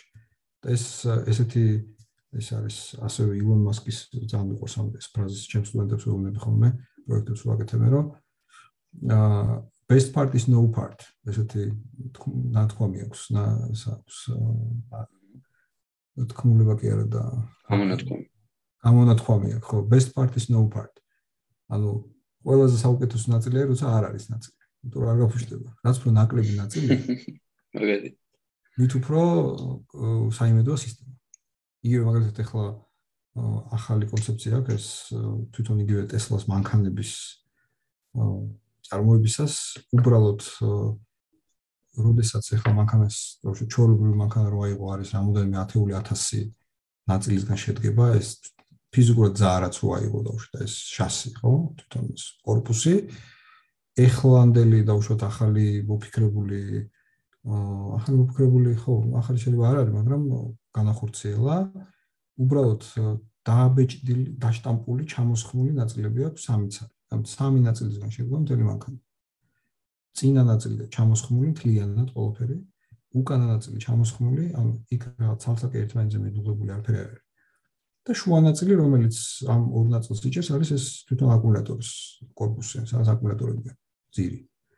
ეგ არის მთელი მანქანა სათამაშო მანქანა საერთოდ არის აწყობილი ანუ გაამარტივა თვითონ ეს მანქანის კონსტრუქცია, რომ ყოფილიყო რაც შეიძლება ცოტა ნაწილებით დაწყობილი. და მათ შორის ამის საფუძველზე ახლა უბრალოდ ახლა ცოტა ხნის წინ იყო ვიღაცაებმა და ვიდეო დადეს გზაზე როგორ მიდიოდა გერმანიაში, გერმანიის ბერლინის იმაში. თუ ბერლინში თუ მე მგონი ტეხასის ოსტინის გიგა ქარხანაში, ტესლას ქარხანაში პრესი. პრესი წნეხი გიგანტური წნეხი რომელიც აი მას იმეშვება ამ ნაწილებს ასე ვთქვათ შტამპავს აი მანქანის ნაწილებს. მთლიანი და უშო კუდი ამ მთლიანი წვირი შეუძლია ერთ იმაზე დაშტამპოს ალუმინი ჩამოასხას და უდამზადებული აი როგორც მანქანის სათამაშო მანქანის ნაწილებს ასხავენ პლასმასით უცბად ერთთან სისწრაფის ამბავში ძალიან მაგარია იმიტომ რომ ამის ჩამოსხმა გაცილებით სწრაფად ხდება ვიდრე დაუშვათ ამის აწყობა სხვადასხვა ამ ზარის ნაწილებისგან დაუშვათ კონსტრუქციის ამ დადუღება და ასე შემდეგ. და გაცილებით სწრაფია რაღაც ბევრჯერ რამოდენიმე რიგით სწრაფია ამის გაკეთება. ანუ ეს არის კონცეფცია რომ რაც შეიძლება ნაკლები ნაწილები იყოს. შესაბამისად ნებისმიერ რაღაც იგივე აი SpaceX-ის რაკეტის ძრავიც რო ეს ახალი Raptor ძრავები ორი მეორე ის აქ ახლა იტერაცია მეორე ვერსია აქ უკვე გაკეთებული რომელიც პირველ ვერსიისგან იმით განსხვავებულია რომ რო შეხედავ ამას რაღაცა აკლია თითქოს იფიქრებ ამ მეორე ვერსიას იმიტომ რომ კაცლები ნაკლები ნაწილები აქვს და ეს რაღაცა შვილები რაღაცები შეერთებები გარდა ის რაღაცა აბლაბუდასავით ეს ახალი ესე ძალიან გალოკილი, გასუფთავებული ეს არის ძრავია, თუმცა გაცილებით უფრო ძლიერი და ძრავი უფრო ეფექტური ძრავია. ეს ახალი, ანუ ყველაფერი არის დადის ასევე იმაზე, რომ რაც შეიძლება ნაკლები შემოგენილი ნაწილები იყოს ამ სისტემაში, რომ უფრო მეტად საიმედო იყოს. ახლა როა იყო დაუშვით შიდა ძრავი მანქანაში ჩაიხედავ სიტყვაზე. აა მაშინ ჩოლებრივ მანქანას ვახადო, бенზინის ძრავიან მანქანას ვახადო. აა ეს თავსახური და ჩაიხედო ისეთი ამბავი ხდება. ძალიან ბევრი რაღაცა 1000 რაღაცა იქ გაუგებარი ბევრი შეერთებები და ბევრი ნაწილი და ბევრი რაღაცა 1000 რაღაცა დამაგრებული და. ტესლას ნუ ტესლას ესე რო ახადო ვერაფერს ვერ დაინახე ვერაფერი არა აქვს. მაგრამ ტესლას ვახადო მთლიანად ეს ზარა რომ მოხსნა და მხოლოდ ბორბლებისა ეს ქვედა ნაწილი დატო გეგონება სათამაშო მანქანა. უბრალოდ ბორბლებია 4 ბორბალია რაღაცა ალუმინის ძირი აქვს და ეს ძრავებია პირველი ბორბლებთან ეს ჩოლები ელექტრო ძრავები რა სათამაშო მანქანას ყავს. აი პლასმას მანქანაზე მოხსნეს თავი ვაძრო დარჩება 4 ბორბალი და ძრავი ზედი ბორბლებზე მიგვი აი ეგ ამასაც. ანუ ძალიან მარტივი ის გამოდის რა გაცილებით ნაკლები ნაწილი. სხვა შორის მაღაზიებში ეს მაღაზიაში თუ ვინმე მოხდება მე მგონი ყველა მაღაზიაში უდგათ დაშლილი S მოდელ S-ი აქვთ დაშლილი მარტო ძარა მოდელი S-ის და შეიძლება დააკვირდე რა არის ქვეშ შიგნით და ის მარტივია, ფერი არ არის რა რეალურად. სათამაშო მანქანას ამოთებს. ანუ კონცეფცია ძალიან მნიშვნელოვანია და ეს ელექტრო ელექტრო ელექტრონიკა იძლევა ზუსტად მაგას, რომ შეიძლება კონდეს ნაკლები მithumetes ისეთი ნაწილები, რომელიც მოძრაობს, მოძრავი ნაწილები. რაც უფრო დიდი რისკის შემცველია, რომ გაფუჭდეს, გაცუდეს. ეს ტესლას კიდევ უფრო გაიაფებას უნდა ველოდოთ ახლო მომავალში, აი უფრო ავე ხე Toyota როგორც ხის მაგალითად რაღაც იაფებს. ეს რაც ექნება ერთი მოდელი ახლა ახალი აი გიგაფაქტორებს, გიგა ქარხნებს რომ კარგად ამუშავებს იმ ახალი ტიპის ბატარეებს თუ და აღდგა საშველი და გამოუშვებს 58-80 მეგონი ესეთი ფაქტორ ფორმის რაკეტის არის რაკეტა ბატარეებია აა თუ გამოვიდა, მაშინ აპირებს კიდე ერთი მოდელის გამოშვებას, რომელიც იქნება ძალიან იაფი. რეალურად კომპაქტური ის იქნება ელექტრომანქანა იქნება, რომელსაც იქნება ძალიან მაღალი გამავლობა, ანუ ერთ დატემაზე ბევრს გაივლის და იქნება ძალიან იაფი. ანუ ეკონომიური მანქანა იქნება საკმაოდ. ეხლა ვერ რასაც ვერ ვიტყვით მაგალითად მოდელ S-ზე მოდელ S-ი პირველი ერთ-ერთი პირველი მოდელია უკვე ნორმალური შეიძლება იყოს ეს პრიუსი ვიტიაფი სიტყვა და ყველა სამარკეტო ხელმისაწვდომი პრიუსი არ არის სხვა პრიუსი ან პრიუსი ვიტასია 4000-5000 ხო შეიძლება მოდელ 3-ს მოდელ 3-ს რომელიც ეხლა ყველაზე ხელმისაწვდომი მანქანაა ან პატარა პატარა ტესლა მოდელ 3-ს იგივე ფასი აქვს რასაც რაც პრიუსი და მე მგონი ძვირიცხის უფრო ახალ ახალ მანქანებს ვიდახ ანუ ქარხნიდან გამოიყვანა აი სალონში რო იყიდა მანქანა ხო? აა მოდელ 3 იგივე ის რაც Toyota Prius. ანუ მომავალში უნდა ველოდოთ რომ და ეს ლაპარაკი კიდე უფრო იაფი იქნება, კი. კიდე უფრო იაფი იქნება ის Tesla რომელსაც გააკეთებს ამ ახალი ბატარეით და ამ ახალი შტამპი და შტამპული იმითი ასე ვთქვათ. ანუ იმას მოველოდოთ, აი მაგას გულისხმობდა, აი ყოველ მეორეს ხო აქვს ხა Prius-ი რა და აი ამდენი შესაძლებელია Tesla-ს ეგრე იყოს. კი, კი, კი. იქნება ეგრე. ანუ ეს ზოგადად ჩვეულებრივი მანქანა, რომელსაც ადამიანი მართავს და ელექტრო, ეს ამალე იქნება. ელექტრო ელექტრობას მოაკ ზუსტად ეს სიმარტივე. აჰა. რაც უკვე საშუალებას იძლევა რომ დაუშვათ მარტო გაუშვა. ეს სატრანსპორტო საშუალება აა ისე რომ ადამიანური ყურადღება არ მიექცევს, როგორც არის გემი, იქ სატვირთო ტრეილერი იქნება თუ მანქანა იქნება, კურიერი დაუშვათ იგივე საფოსტო კურიერი, მიტანის სერვისი და ასე შემდეგ. ეს ზოგადად საბოლოო ჯამში მომავალში ეხა უახლოს მომავალში არ გვემუქრება, ანუ ხო, ანტიკო კიდე ესეთი ის რომ ელექტრომანქანების ჩვენ ეხლა რაც ყვავს დაუშვათ იგივე ეს ჰიბრიდები ნელ-ნელა დაუშვათ ცდილობს ყველა მოხმარებელი რომ ნელ-ნელა შეცვალოს ეს бенზინის ძრავიანი მანქანები, აა სხვა ტიპის ძრავიანი მანქანები ძირითადად იმ მოსაზრებით, რომ უფრო იაფიჯდება მოხმარება. დავუშვათ, უფრო ნაკლებ წვავს, საწვავს, შესაბამისად საწვავის ხარჯი უფრო ნაკლებია ადამიანისთვის, ფლობელისთვის. ჰიბრიდის შემთხვევაში დავუშვათ რაღაცა უფრო ცოტა არის ვიდრე მხოლოდ სულ სულთლიანად დავუშვათ შიდაწვის бенზინის რამზე მაგალითად მანქანის შემთხვევაში იქნებოდა. გვაქვს ელექტროსურვიათ ელექტრომანქანები მაგალითად საღამ Tesla და იქნებოდა. რა ვიცი სხვა ელექტრომანქანები იყო ეს Nissan Leaf-ი რომელიც ძალიან ბევრი წელია უკვე ერთ-ერთი პირველი ელექტრომობილი იყო. უბრალოდ ერთადერთი პრობლემა ის არის მაგისი რომ აა აკუმულატორი ყოფნის ცოტა ხანს ან ცოტას გატარებს თუმცა ეხლა შემოვიდა ნელ-ნელა ეს იგივე Model 3 როგორც წერა თქვით პრინციპში IAP-ია უკვე ანუ ახალი მანქანა ახალი Model 3 და ახალი თქვა არ ვიცი.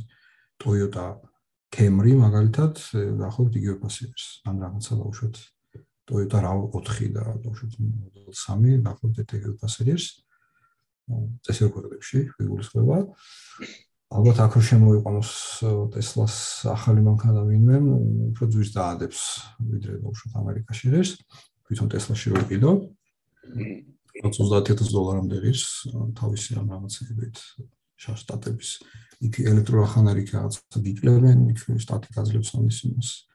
ფულს გიბრუნებს უკან რახან ელექტრო იყიდა იმიტომ რომ რაღაცა გარემოს უფრთხილდება და შემდეგ თუმცა ჩვენთან გარემოს გაფრთხილებაზე მეგონი ნაკლებად ფიქრობენ უფრო ფიქრობენ იმაზე რომ ნაკლებს წვავს და დაუშვათ ელექტრომანქანა უფრო ნაკლებ ჯდება შენახვა იმიტომ რომ ელექტროენერგია უფრო იაფია. და ხშირ შემთხვევაში ახლა აქამდე იყო ისე რომ რაღაც კომპანიები გაჩნდა ელექტრომანქანების დამტენი კომპანიები რომლებიც ქალაქში და საქართველოს სხვა ადგილებში დგავენ დამტენებს ელექტრომობილებისთვის და ეს რაღაცა პერიოდი უფასოც იყო. ზუსტად ტაქსისტები კარგად იყენებდნენ ხოლმე ამ უფასო ის თქვა საშუალებას მაგრამ ეს იაფთება ესეც ახლა, იმიტომ რომ ძალიან ბევრი კომპანია დაიწყებს ახლა გამოშვებას, თუმცა აი კარგიცი აკუმულატორული ტექნოლოგიების ჯერჯერობით ლევონდელი აა განვითარებით Tesla-ს რაღაცები აქვს, ასე თუ ისე ნორმალურად დაწყებული და მე მგონი რაღაცებს გააკეთებს ცოტა ხანში. შეიძლება უფრო დიდი ზომის აკუმულატორების ქონას იგივე მოცულობაში, დიდი ენერგიის აკუმულატორების გამოშვებას სხვა კომპანიები არ ვიცი, ძირითადად ლითიუმის სტანდარტული ტრადიციულ ტექნოლოგიებზე, იგივე ჩინეთში მაგალითად 100 100 მეტი კომპანია ელექტრომობილებს ჩინური. და მშვენიერი ლამაზი კარგი მანქანებია, ყავს ნანახი სხვათა შორის და ძალიან ესეთი მშვენიერი მანქანებია, ჯიპები წყავს, ესე დიდი off-road დიდი მანქანები. აა და სხვათა შორის ძალიან ისეთი იმაზე გადავალ, მაგრამ ჯერ მოდი აქ ჩვენ საქართველოს მოვჭეთ.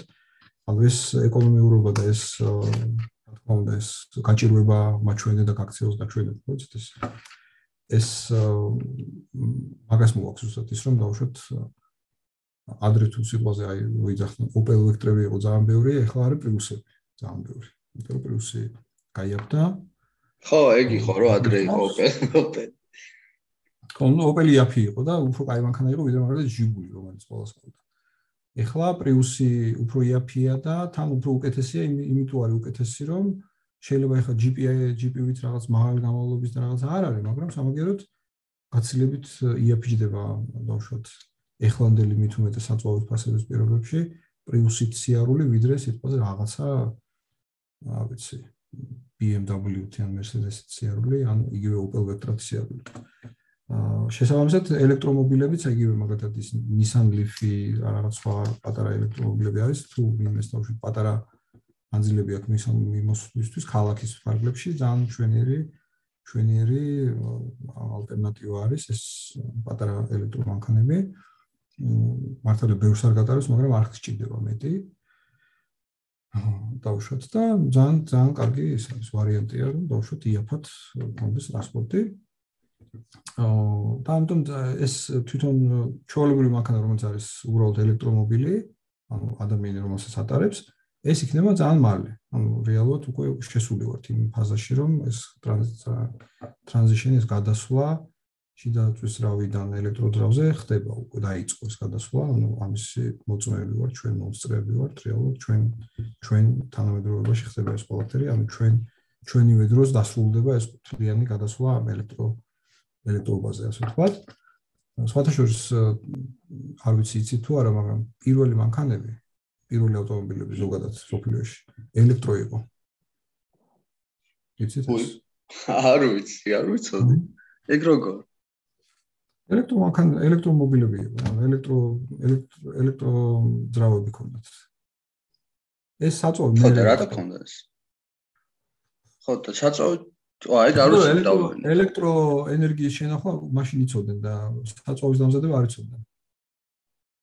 ა მაგდროს საწვავს ვერ ამზადებენ. შიდაწვის რავი, რომელიც იმუშავებდა საწვავით, არის ზონა. ელექტროდრამი იცოდა. აა, რა საინტერესოა, ხო, რატომღაც არ ვიცოდი. ხო. ეს მალევე ალბათ მალევე შემოვიდა ხო მე საწვავის. როგორ? უბრალოდ ის იყო რომ ძალიან ცოტას დადიოდა ახლა ეს ელექტრომობილები ძალიან ძალიან ცოტას დადიოდნენ მაშინ.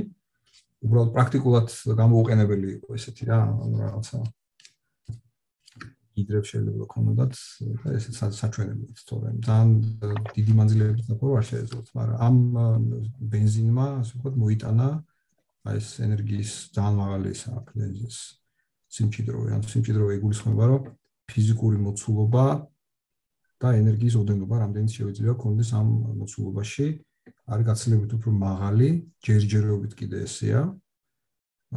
აი ფოსილ ფიულს როგორ არის ქართულად არ ვიცი ნარჩენების ხო, ნარჩენების. ნარჩენების საწვავი ასე ვთქვათ, ვიდრე ბავშვით იგივე ჯერჯერობით ლითიუმის სიმჭიდროვე ასე ვთქვათ, ლითიუმის ბატარეების სიმჭიდროვე, თუმცა ლითიუმი ერთ-ერთი ყველაზე მაღალი სიმჭიდროვის ტექნოლოგია ჯერჯერობით. იქ არის რაღაც ეს წყალბადის ისინი ბატარეები, ელემენტები, რომელიც ვითომ კარგია, მაგრამ რაღაცა ისეთია, თვათ პოპულარული და ესეთი ვერ ხდება, იმიტომ რომ ტექნოლოგია ძალიან რთულია და დამზადება თვითონ მე მგონი ცოტა არ იყოს უფრო ძვირია ვიდრე იგივე ლითიუმი, იმიტომ რომ ლითიუმი ხა გაიაფთა ძალიან იაფია ლითიუმი და ძალიან ბევრია ლითიუმი დედამიწაზე, ზოგადად. ძალიან ბევრი ყოთ ლითიუმი და პრაქტიკულად ეს არის ძალიან მარტივია და იაფია არის ლითიუმის ბატარეების მანდ პრობლემა ლითიუმი პრობლემა არ არის პრობლემა არის ლითიუმის აა თვითონ ტექნოლოგია ისეთი რთული რაღაცა ასახსნელად აა იქ არის შუალედური ნივთიერება კაცოს და დანარჩენ შორის რომელიც არის აა გამტარი რომელიც ინახავს ამ ყველაფერს. ეს არის ფუჭდება ძალიან ხშირად და ეგ არის პრობლემა დიდხანს ვერ მუშაობს და არის რაღაც ახალი ნივთიერებები რომელიც ამ საშუალებას იძლევა რომ ეს არ გაფუჭდეს და უფრო მეტი ენერგია შეინახოს იმ თავის მოცულობაში და რაღაც ნუ რაღაც ესე თქვი ესეთი სხვადასხვა ნივთიერებების ასე ვთქვათ ექსპერიმენტებით ეს სხვადასხვა პროექტები ამ ძირთად ეს არის ქიმიური ქიმიის მწოდნე ასე ვთქვათ ხალხი ცდილობენ რაღაც ახალი ნივთიერება შექმნან ან რაღაც ახალი შენადნობი რომელიც აი იმას გაზდის ამ სიმჭიდროვის ენერგიის სიმჭიდროვის რომ ერთ და იგივე აა დავში ფართობში უფრო მეტი ენერგია მიიღო. უფრო მეტი ელექტრონი დატიო თქო ეს არის ერთადი პრინციპი რომ ერთ ფართობზე რაღაც მეტი ელექტრონი ჩაეტიოს ისე რომ არ გაიქცენენ სადმე არსად აა ხო და ნუ რა შეიძლება ეს უკვე მე რა თქმა უნდა ეს ელექტრომობილების რაც უფრო მეტ ხალხს ეყოლება, უფრო მეტი როგორც თავიდან თქვით ეს დასწავლა ელექტრომობილების მიერ ბავშვთა თავად გარემოსი. რომ თვითონ შეძლონ უკვე მე ამ მანქანის მართვა აა უფრო მეტად უფრო ადვილი იქნება, იმიტომ რომ ძალიან ბევრს ბევრს ეყოლება და ეს უფრო მეტი ასე ვთქვათ თვალი იქნება ამ რობოტებს მთელ სოფლიოში. მაგალითად ჩინეთში რა ვიღოთ ესეთი ცოტა ესეთი ტოტალიტარული პრინციპია, მაგრამ პეკინში, პეკინი არის უზარმაზარი ქალაქი, მე მგონი 60 მილიონი, 80 მილიონია. ყველაზე დიდი ქალაქია. მმ ხო, მოსახლეობით. მოსახლეობით. ეგრე ვიცი კი. ერთი ვიცი რომ მეტროს ხაზების სიგრძე აქვს მეორე სოფლიოში პეკინში. მეორე არის სიგრძეში. პირველი რომელია? პირველი შანხაი. პირველი შანხაი. მაი ეგეთი. აა ამ პეკინში მანქანაში პეკინი ვაიმე ვაიმე დავიბენ ბოდიში არასწორი ინფორმაცია თქვი ხა მე ანუ არ არის პეკინი ტოკიო ყველაზე დიდი ხო ხო რა თქმა უნდა ტოკიო უცებ უცებ რატომღაც ეკრავე მოსახლეა ტოკიოა ნამდვილად ხო პეკინში რომ მანქანის ყიდვა მინდოდეს მე პეკინის მოქალაქეს კონდეს ფული დავუშვათ კარგი Mercedes-ის ჯიპის სიტყვაზე. ბენზინის რაზე მომუშავო. მაქვს ფული, არ მაქვს პრობლემა, მინდა რომ ყავდეს Mercedes-ის ჯიპი. პეკინში მანქანის ყიდვა რომ მინდოდეს სპეციალური სახელმწიფო ბატარეა მანქანის შესყიდვის სურვილთათვის. უნდა მივიღო ამ ბატარეაში მონაწილეობა. ბატარეა იგულისხმება რომ ველოდო გათამაშებებს ყოველ რაღაც არ ვიცი რაღაც გარკვეულ დროს და შეიძლება ერთი წელი ველოდო, შეიძლება ორი წელი ველოდო. საბოლოო ჯამში ალბათ ორი წლის მერე შეიძლება მომიწიოს მანქანის ყიდვა თუმცა შეიძლება არ მომიწოს. ანუ შეიძლება ვერ ვიყიდო. ბენზინის რა ვიყიდო. თუ ელექტრომობილი მინდა ვიყიდო. ელექტრომობილს ვიყიდე ყველა ვარიანტში ვიყიდე, უბრალოდ ველოდები რაღაც შეიძლება ერთი წელი ნახევარი წელი წელი ნახევარი ველოდო, მაგრამ საბოლოო ჯამში შემხვდება ელექტრომობილი ყველა ვარიანტში. მაგრამ ბენზინს რა შეიძლება ვერ ვიყიდო. შეიძლება არ შეფროს. ანუ ძალიან გაგიმართლოს პეკინში, რომ ელექტრო ბენზინის რავიანი მანქანა იყიდო. ეხლა დღეს რა ვიყიდო. Ну ასე ებრძვიან ასე თქვა ეკოლოგიას ალბათ აი მაგაზე მაქვს ეგეთი შეკითხვა ბარემ მაგას და მე რეაქტია მინდა რომ ზოგადად რაღაც პროგნოზებს გადავიდეთ რა პირველ რიგში ეგეთი შეკითხვა გამოჩნდა რომ ანუ აი როგორც წარმოგიდგენიათ კიდე ასე თქვენ ანუ აი რეალურად როდი შეუძლებთ რომ მანქანები იყოს ელექტრობოლომდე თუ არის რა რაღაც ხედავთ რომ ანუ ხო მოდის ამ ერთი რო ეს გლობალური დათბობა რაც უკვე რეალურად დასანახია და მეორეა რომ აი გინდათ ბაიდენი ოდესაც მოვიდა ბაიდენის ადმინისტრაციამ პირველი არს დაიწყო ამ ხრივ დაიწყო ძალიან ბევრი ახალისებები რაღაც პროექტები და დაფინანსება ელექტრომობილები და პირველი სიმბოლური ესეთი აქციის სახით ქონდა რომ სახელმწიფო მანქანები თუ არ მეშლება რაღაც ელექტრონიზმიდან გადაეყვანა თუ რაღაცა და აი მხრივ მოკლედ როგორ როგორ ვის არის რა. საბოლოო ჯამში საბოლოო ჯამში მაინც ყველაფერი დადის ენერგიის ტარებაზე. თუ გვაქვს ისეთი აკუმულატორი რომელსაც შეუძლია რომ დიდი ხანი გვატაროს, მაშინ კაია. ან რაღაც ისე საშუალება მოვიგონოთ, რომ აა ეს ენერგია რაღაცნაირად განვიახლოთ ხოლმე სწრაფად. ეხა დავუშვათ საზოგადოებრივი ტრანსპორტის შემთხვევაში, მაგალითად ავტობუსები რო იყოს ელექტრო, ეგ შეიძლება რაღაცა ისე მოაგვარო, რომ მაგალითად აა ხო გაჩერებები აქვს, დავუშვათ შეიძლება შეცვალო ბოლო-ბოლო ის როცა დაждდება და ახალი ავტობუსი გაუშვა იმის მაგივრად რაღაც ეგეთი სისტემა მოიგონო რაღაცა ბავშვი იქ აკუმულატორები შეცვალო უცბად ერთ-ერთ სადგურზე. ეს რაღაც ახლა კერძო მანქანას ესე ვერ გააკეთებ რომ ესე უცბად შეცვალო და ეს გააჩერო და რაღაც. თუ მოხერხებელია ეს მაგრამ საზოგადო ტრანსპორტზე ეს რაღაც შესაძლებელი არის. ანუ სახელმწიფო ზოგადად წესიერ სახელმწიფოებში წესიერ მთავრობები ზრუნავენ რომ კონდეთ თავისი ეს ურბანული ასე ვთქვათ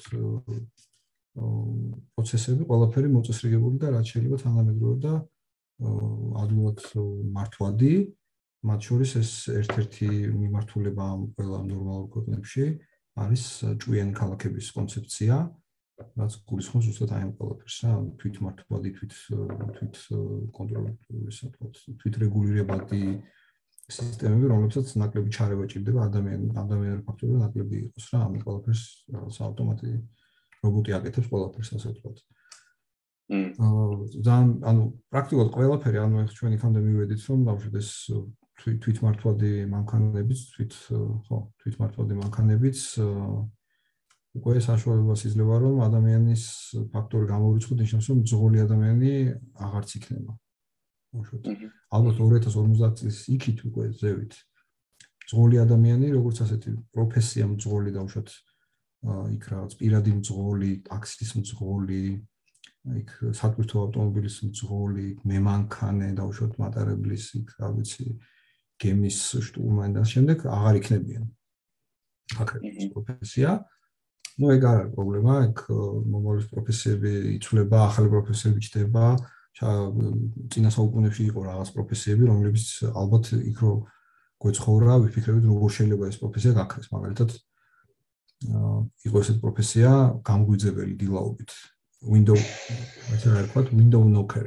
ანუ ეს მართლა აი ეს აპრილად. ზემით იყო დადიო, ქონდა სია, ანუ ფულსი, ანუ სერვისი ქონდა ესეთი. აი როგორც ხო იყო ეს ბრეცხავები რო იყვნენ.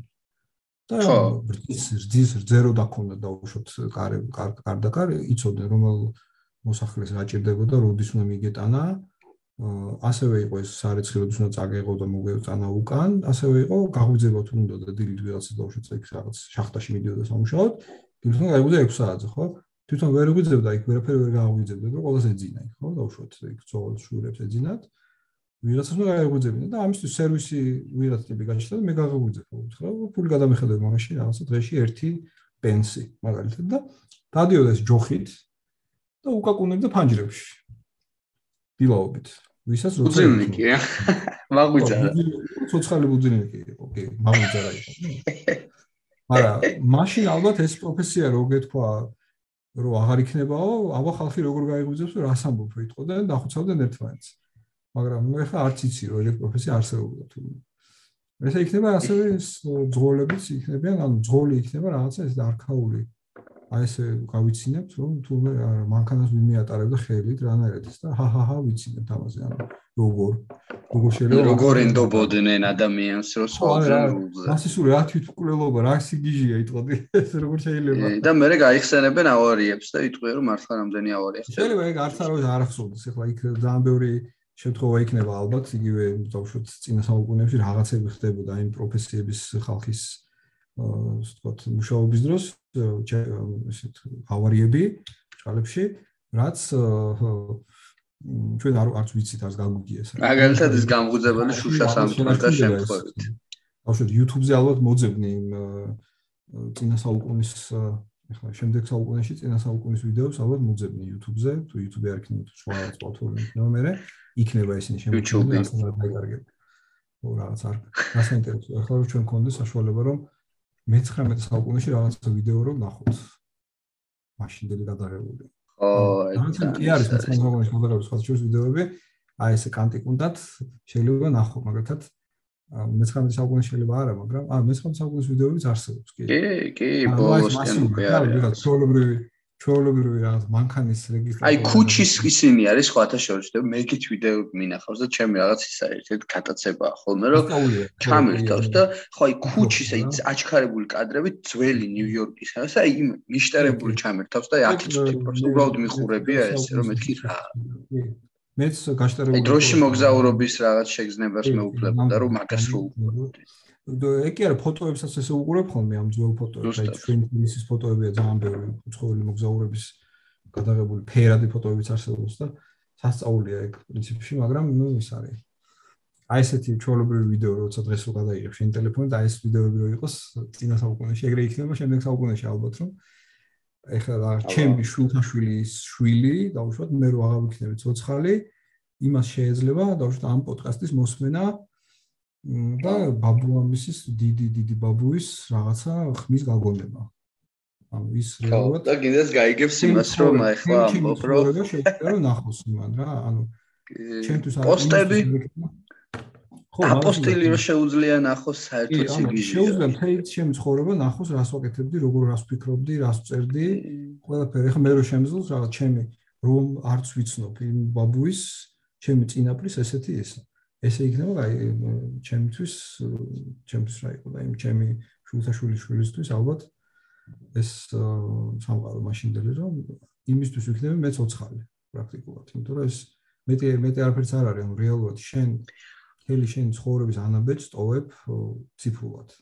სულ არა. ეხლა ციფრული მუზეუმის იდეა გამიშთა ეხლა უცებ წამიერად აი წარმოვიდგინე ესეთი რაღაც რა, რომ აი ციფრული მუზეუმი, სადაც შედიხარ და აი 22 საუკუნეში თუ ცხოვრობ და ციფრულად ვერ, აი ხო არის მეტავერსი იდეა და რაღაც და იმით ციფრულად შედიხარ და უყურებ 21 საუკუნეს, აი გინც 20-იან წლებში მოგზაურობ რა, მოკლედ და იქ ნახულობ აი ვიღაცები რას პოსტაუდნენ, გინდაც აი სხვაზე ხარ რომ მიმდინარეობს რაღაც პოლიტიკურად აქტიური პროცესი, სოფლიო გლობალური და შედიხარ და ნახულობ რას ამბობდნენ მაგალითად ფრანგები მაგ დროს ან ქართველები და ციფრული მუზეუმები იქნება.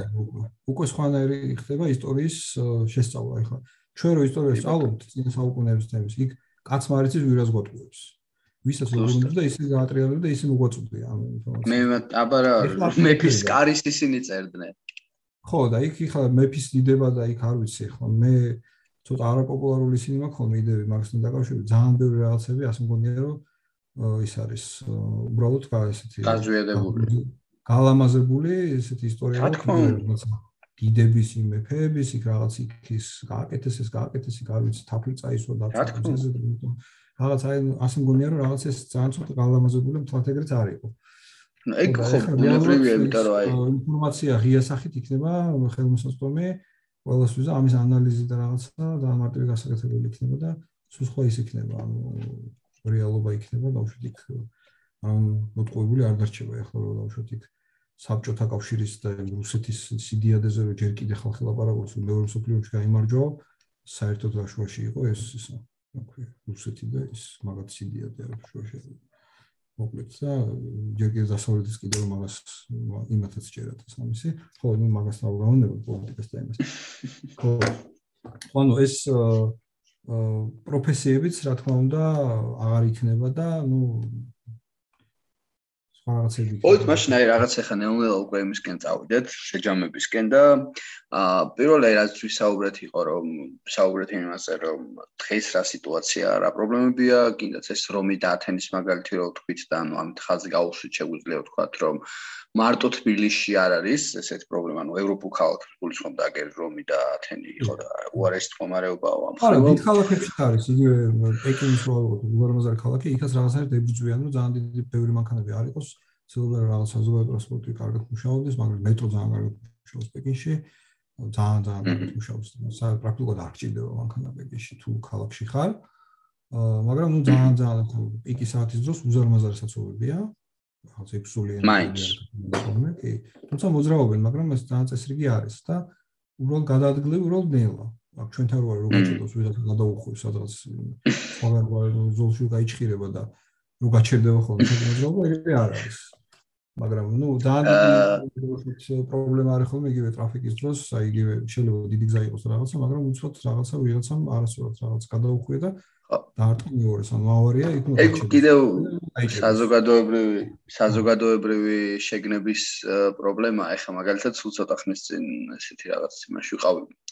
ვენაში ვიყავი ვენა გადავდი ბუდაპეშტში და აი ვენაში ხო აი როგორი მოწესრიგებული იყო იმას ამბობდი. თითქოს ხელოვნური ინტელექტი მართავს აქ ყველა მანქანას რომ ერთ სიჩქარე ქონდათ რა. არც სიჩქარა დადიოდნენ არც ნელ და ერთ ყველა დადიოდა ერთ სიჩქარე და თითქოს მართლა უკვე ავტომატიზირებული იყო და მე რექნეს ბუდაპეშტში ხო გადადიხარ 3 საათში გადადიხარ რა ავტობუსით გადავედით და ღამე ჩავედით მოკლედ და აი ჩავჯექი თუ არა აი ტაქსში აი ეგრევე 10 მანქანამ გადაგვას რომ ვიღაც მსავალი შეგრა რომ მოკლედ აღმოსავლეთ ევროპას ეგრევე გზნობ. კი, არა, ეგრეა, იგივე ის არის. სამხრეთი ეგრეა ყველა. გერმანიაში საათი ვით რო დადის ყველა. ჩადი იტალიაში, იქ იტალიაში ხდება ეს იტალიურად ლანძღვა და ეს ერთი ამბავი. ხო, ხო, ზუსტად ისია რა, მოკლედ იტალიაში. ისეთ ისე. კი. ხო და მოკლედ ანუ ამ თემებზე ყველაფერზე ვისაუბრეთ და ეხლა ალბათ დასასრულშეგვიძლია ვთქვათ, აი რას როგორ ველოდებით, აი თქვენ როგორ ველოდებით, მაგალითად ავიღოთ გინდათ ელექტრონულ დაახლოებით თქვით უკვე, ხო, ანუ უფრო აი აი ეს კერის სიჩქარის მომენტი ვახსენეთ, გინდათ ეს ფრინავი სატრანსპორტო ის მიწისქვეშა ისინი, ანუ ამ ყველაფერს აი როგორ წარმოგვიდგენთ. ეს ყველაფერი მოვა, ეს ყველაფერი მოვა, ეს სიჩქარების გაიზრდება, ეს ავტონომიურობას გაიზრდება. ჯერ იქნება დაუშვათ რაღაცა ნახევრად ავტონომიური რეჟიმები ამ მანქანებზე დაუშვათ იქ მანქანა თუ წაგიტორმუზებს წინ შენ თუ ვერ ასწრებ თვითონ და და და ხუჭობს მანქანა. ესეთ რაღაცები ახლა ტესლაში მაგალითად ახლა ის მუშაობს ანუ ის იმის garaშე იმის ჩართვის garaშე self drive-ის რეჟიმის ჩართვის garaშე ეგეთ რაღაცები პრინციპში რაღაც მანქანებს ზაავთ როგორც ვიცი ახალ თანამედროვე მანქანა ჩოლბური ბენზინს რა მანქანებს ზაავთ ეგ წა წამოხუჭება როდესაც იქ პრობლემაა რაღაც ხედავს ასე ვთქვათ. მაგრამ ის სიჩქარეებიც გაიზრდება ხა ჩვენთვის მაგალითად იგივე ეს ჩინურია 60-50 კმ/სთ-იანი მატარებელი ხა იქ ყოველდღე ვინც მოძრაობს ამითი არაფერი საერთოდ ჩაოლებრივი ის მაგათთვის არ არის გასაკვირი არაფერი თუმცა შეიძლება ერთი 10-15 წლის წინ ეს ყოფილიყო რაღაც შეუძლებელი შანსი არ არის ვიტყოდი როგორ შეიძლება ვერ ვერ გაჩერდებოდა 60 მილიონი დაგზე ესეთი სიჩქარე მოძრაობა მატარებელი რაღაცას იტყოდი შეუძლებელია ვიტყოდი მაგრამ ნუ არის შესაძლებელი და როგორც ისახიან 700 კმ/სთ-ს ვაკეთებ, მე კიდე 1000-იანს გავაკეთებ, მაგრამ ეხა არ ვიცი იქ ministri ტრაბახობდა თუ მართლა აპირებენ, ოშტო რაღაცას ასეთ ზახიან ხოლმე აკეთებენ იქ ჩინელები და ნახოთ თანდაო.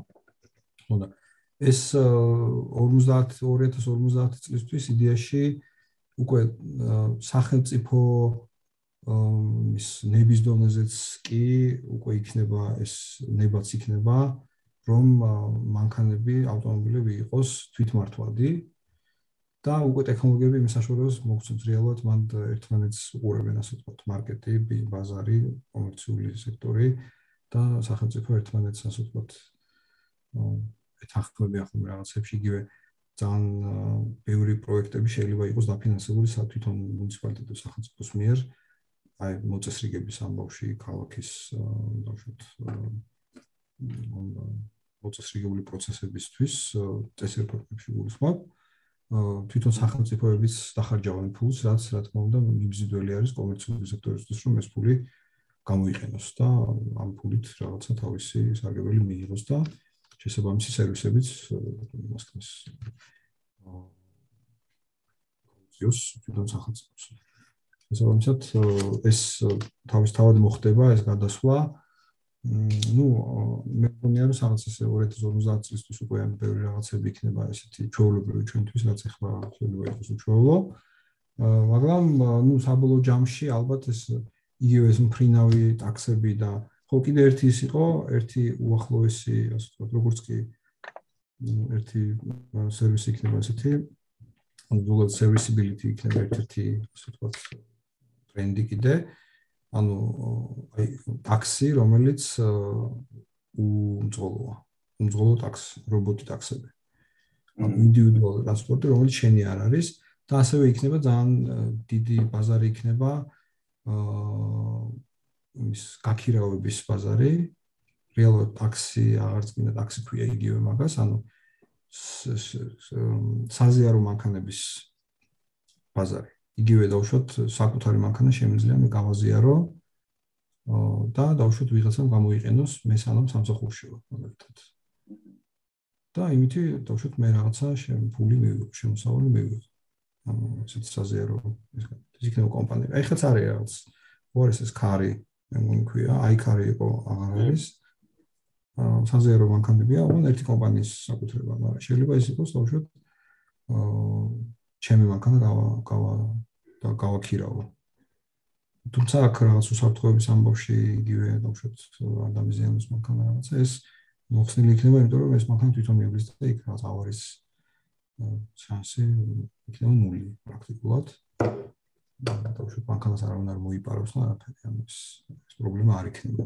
და ნუ იმედია რომ მასეთ დროს უკვე ხალხი შეგდება, სპონსორი იქნება და იქ რაღაცა მოპარვაზე და იმაზე არ იქნება ხალხი. როგორც ჯერჯერობით რაღაც ცუდ ქვეყნებში არის. ანუ ნუ ეს ყველაფერი საბოლოო ჯამში ხალხსაც ცვლის მე. ხალხი ახ მაგალითად ძალიან ბევრი ისეთი ადამიანები რომელსაც ვერ წარმოიდგენდი რომ შეიძლება ტექნოლოგია გამოიყენებინა smartphones ხმარობს უკვე კარგად, თუმცა იქ რა ვიცი ბებია ურეკავს შვილიშვილს ვიდეოზე არით და ეს ხო წარმოუდგენელი იყო. ბავშვი ერთი 15-20 წლის საერთოდ მომდენ ეს რაღაც. ეხლა ეს ჩოლური ამბავია. და ნუ შემდეგში ციკლი ეს რაღაცები რა ჩვენ წარმოვიდგინეთ. ახლა მე არ ვიცი მე თუ რამდენი წლის ხართ ბათო მე 22-ში ხო ну პრაქტიკულად ხო მე იმხელა ვარ რომ ჩემ ჩემი დიდობის დროს შემოვიდა მობილური ტელეფონები რაც ჩემ ბავშვს უკვე დიდი ვიყავი შემოვიდა მობილური ფაქტი ну დიდი რა მახსოვს ყოველ შემთხვევაში ანუ მე უკვე ესეთ შეგნებული ის ქონდა უკვე დამოუკიდებელი ცხოვრება მქონდა დაწყებული, როდესაც შემოვიდა მობილური ტელეფონები და სამსახური მქონდა დაწყებული ჯერ კიდე მობილურების არსებობამდე.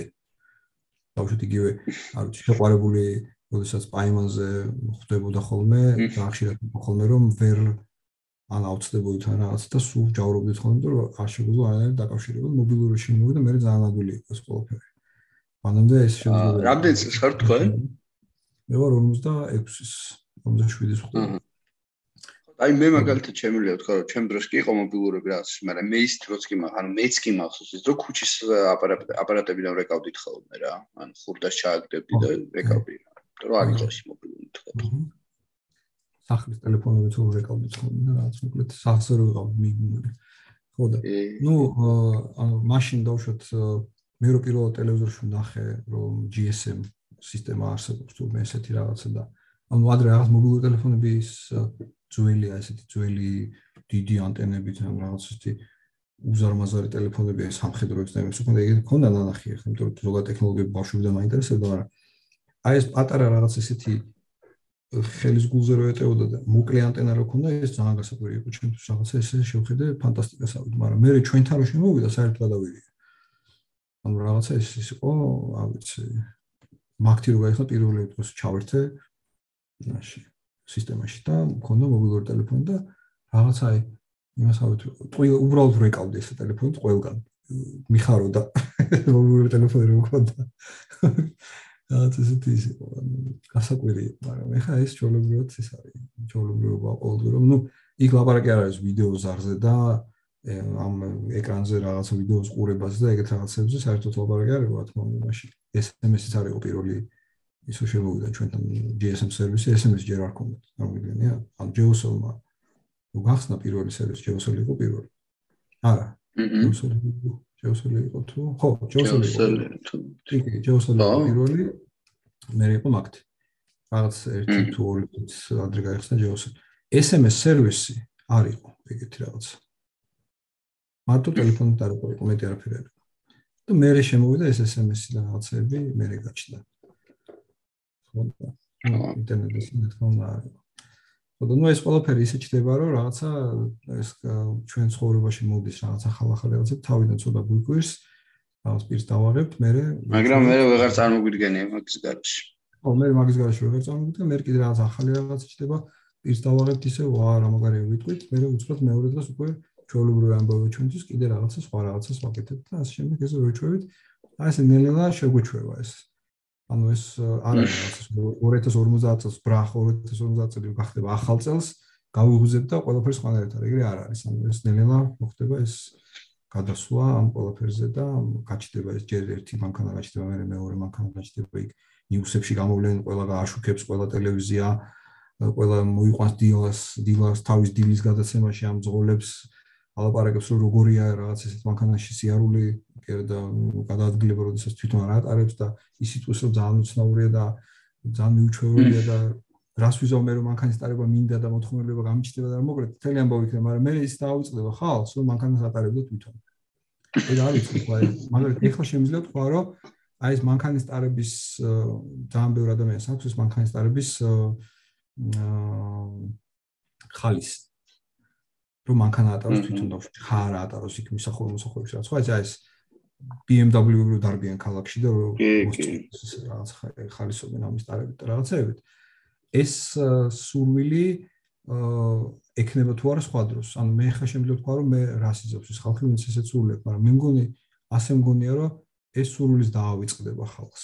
ერთადერთი შეიძლება ეს აი ცხენოსნობა რო არის ახლა როგორც არის დაუშვათ მოყარული მე თუ მინდა დაუშვათ ცხენზე ვიჯირითო სპეციალური იქნება ადგილი, ანუ იპოდრომზე წავიდე, სადაც იქ ვიქირავ ცხენსან ჩემი ცხენი შემიძლია ვიყიდო და იმ ყავდეს იქ. ხო, გარეთ ვერ გამოვიყვანე ცხენს, ქალაქში ვერ ვიყენ ცხენით. ხო? ადრე შეიძლება ქალაქში ცხენი იყო, ეხლა ქალაქში ცხენი ვერ ივლი. მარტო რაღაც იპოდრომზე ან სადმე სოფელში შეიძლება იქ იმას იჯირითო დაუშვათ ცხენით. ალბათ ესე იქნება ეს მანქანებიც ელექტრომობილების და თვითმავალი მანქანების ერაში, ხანაში ეს ჩვეულებრივი მანქანები შეიძლება იყოს რაღაც აი ესეთი რეკრეაციული საშუალება ხოლმე გათობისთვის. სამაგერია რა ვიცი, საინტერესოა ეგ ზუსტად ჩვენი ეპოქის ჩვენი საჭიროება რაც იქნება მაშინ, ანუ სწრაფი გადაადგილება ერთი ადგილიდან მეორე ადგილამდე იაფად, იმას უფრო კარგად გააკეთებს ის რაც იქნება მაშინ, ვიდრე ეს რაღაცა მმ უილა бенზინიანი ლანქანი. მოკლედ ხარ უბრალოდ ხარ უბრალოდ კი ბატონო კი ბატონო მოკლედ რა ვიცი კარუ სერვისის ალბათ ის იქნება შეიცვლება მე კარუს თავს ვახსენებ. კი. არის უშე არა ვარ, კარის თო, მაგრამ აი ბევრი სერვისები. ჩვენი სპონსორია კარო. მანქანის ხელოსნები და ასე შემდეგ, რომელიც უყატყუებენ აღარ იქნებიან. მაგარი. კი ბატონო, კი ბატონო. ნამდვილად, ნამდვილად, რა ძალიან კაი იყო, მოკლედ თქვენთან საუბარი და რა მე მეც ბევრ რაღაცა გავიგეშთი რა. აი მაგალითად იცი რომ პირველი ავტომობილი მანქანა ყოფილა ელექტრო და არ ვიცოდი და ნუ იყო კიდე რაღაცები ნამდვილად რაც ბევრი რამე გიგე დაწმობა მსმენელს კიდე უფრო მეტი რაღაც გაიგო ძალიან დიდი მადლობა და რა ვნახოთ რა იქნება შემდეგი და როგორი რეალობა იქნება დავალოდოთ დავალოდოთ დროს და სივრცეს როდის გავაცდა მეტი დრო და ნახოთ ვაკეთოთ ჩვენ საქმე ვაკეთოთ ხო და თან თან აშენების ერთად ყველაფერი შეიცვლება და ეს უფრო მრავალფეროვანია. ქემიას და ჩემიას მადლობა კიდევ ერთხელ. კი ბატონო. კარგად კარგად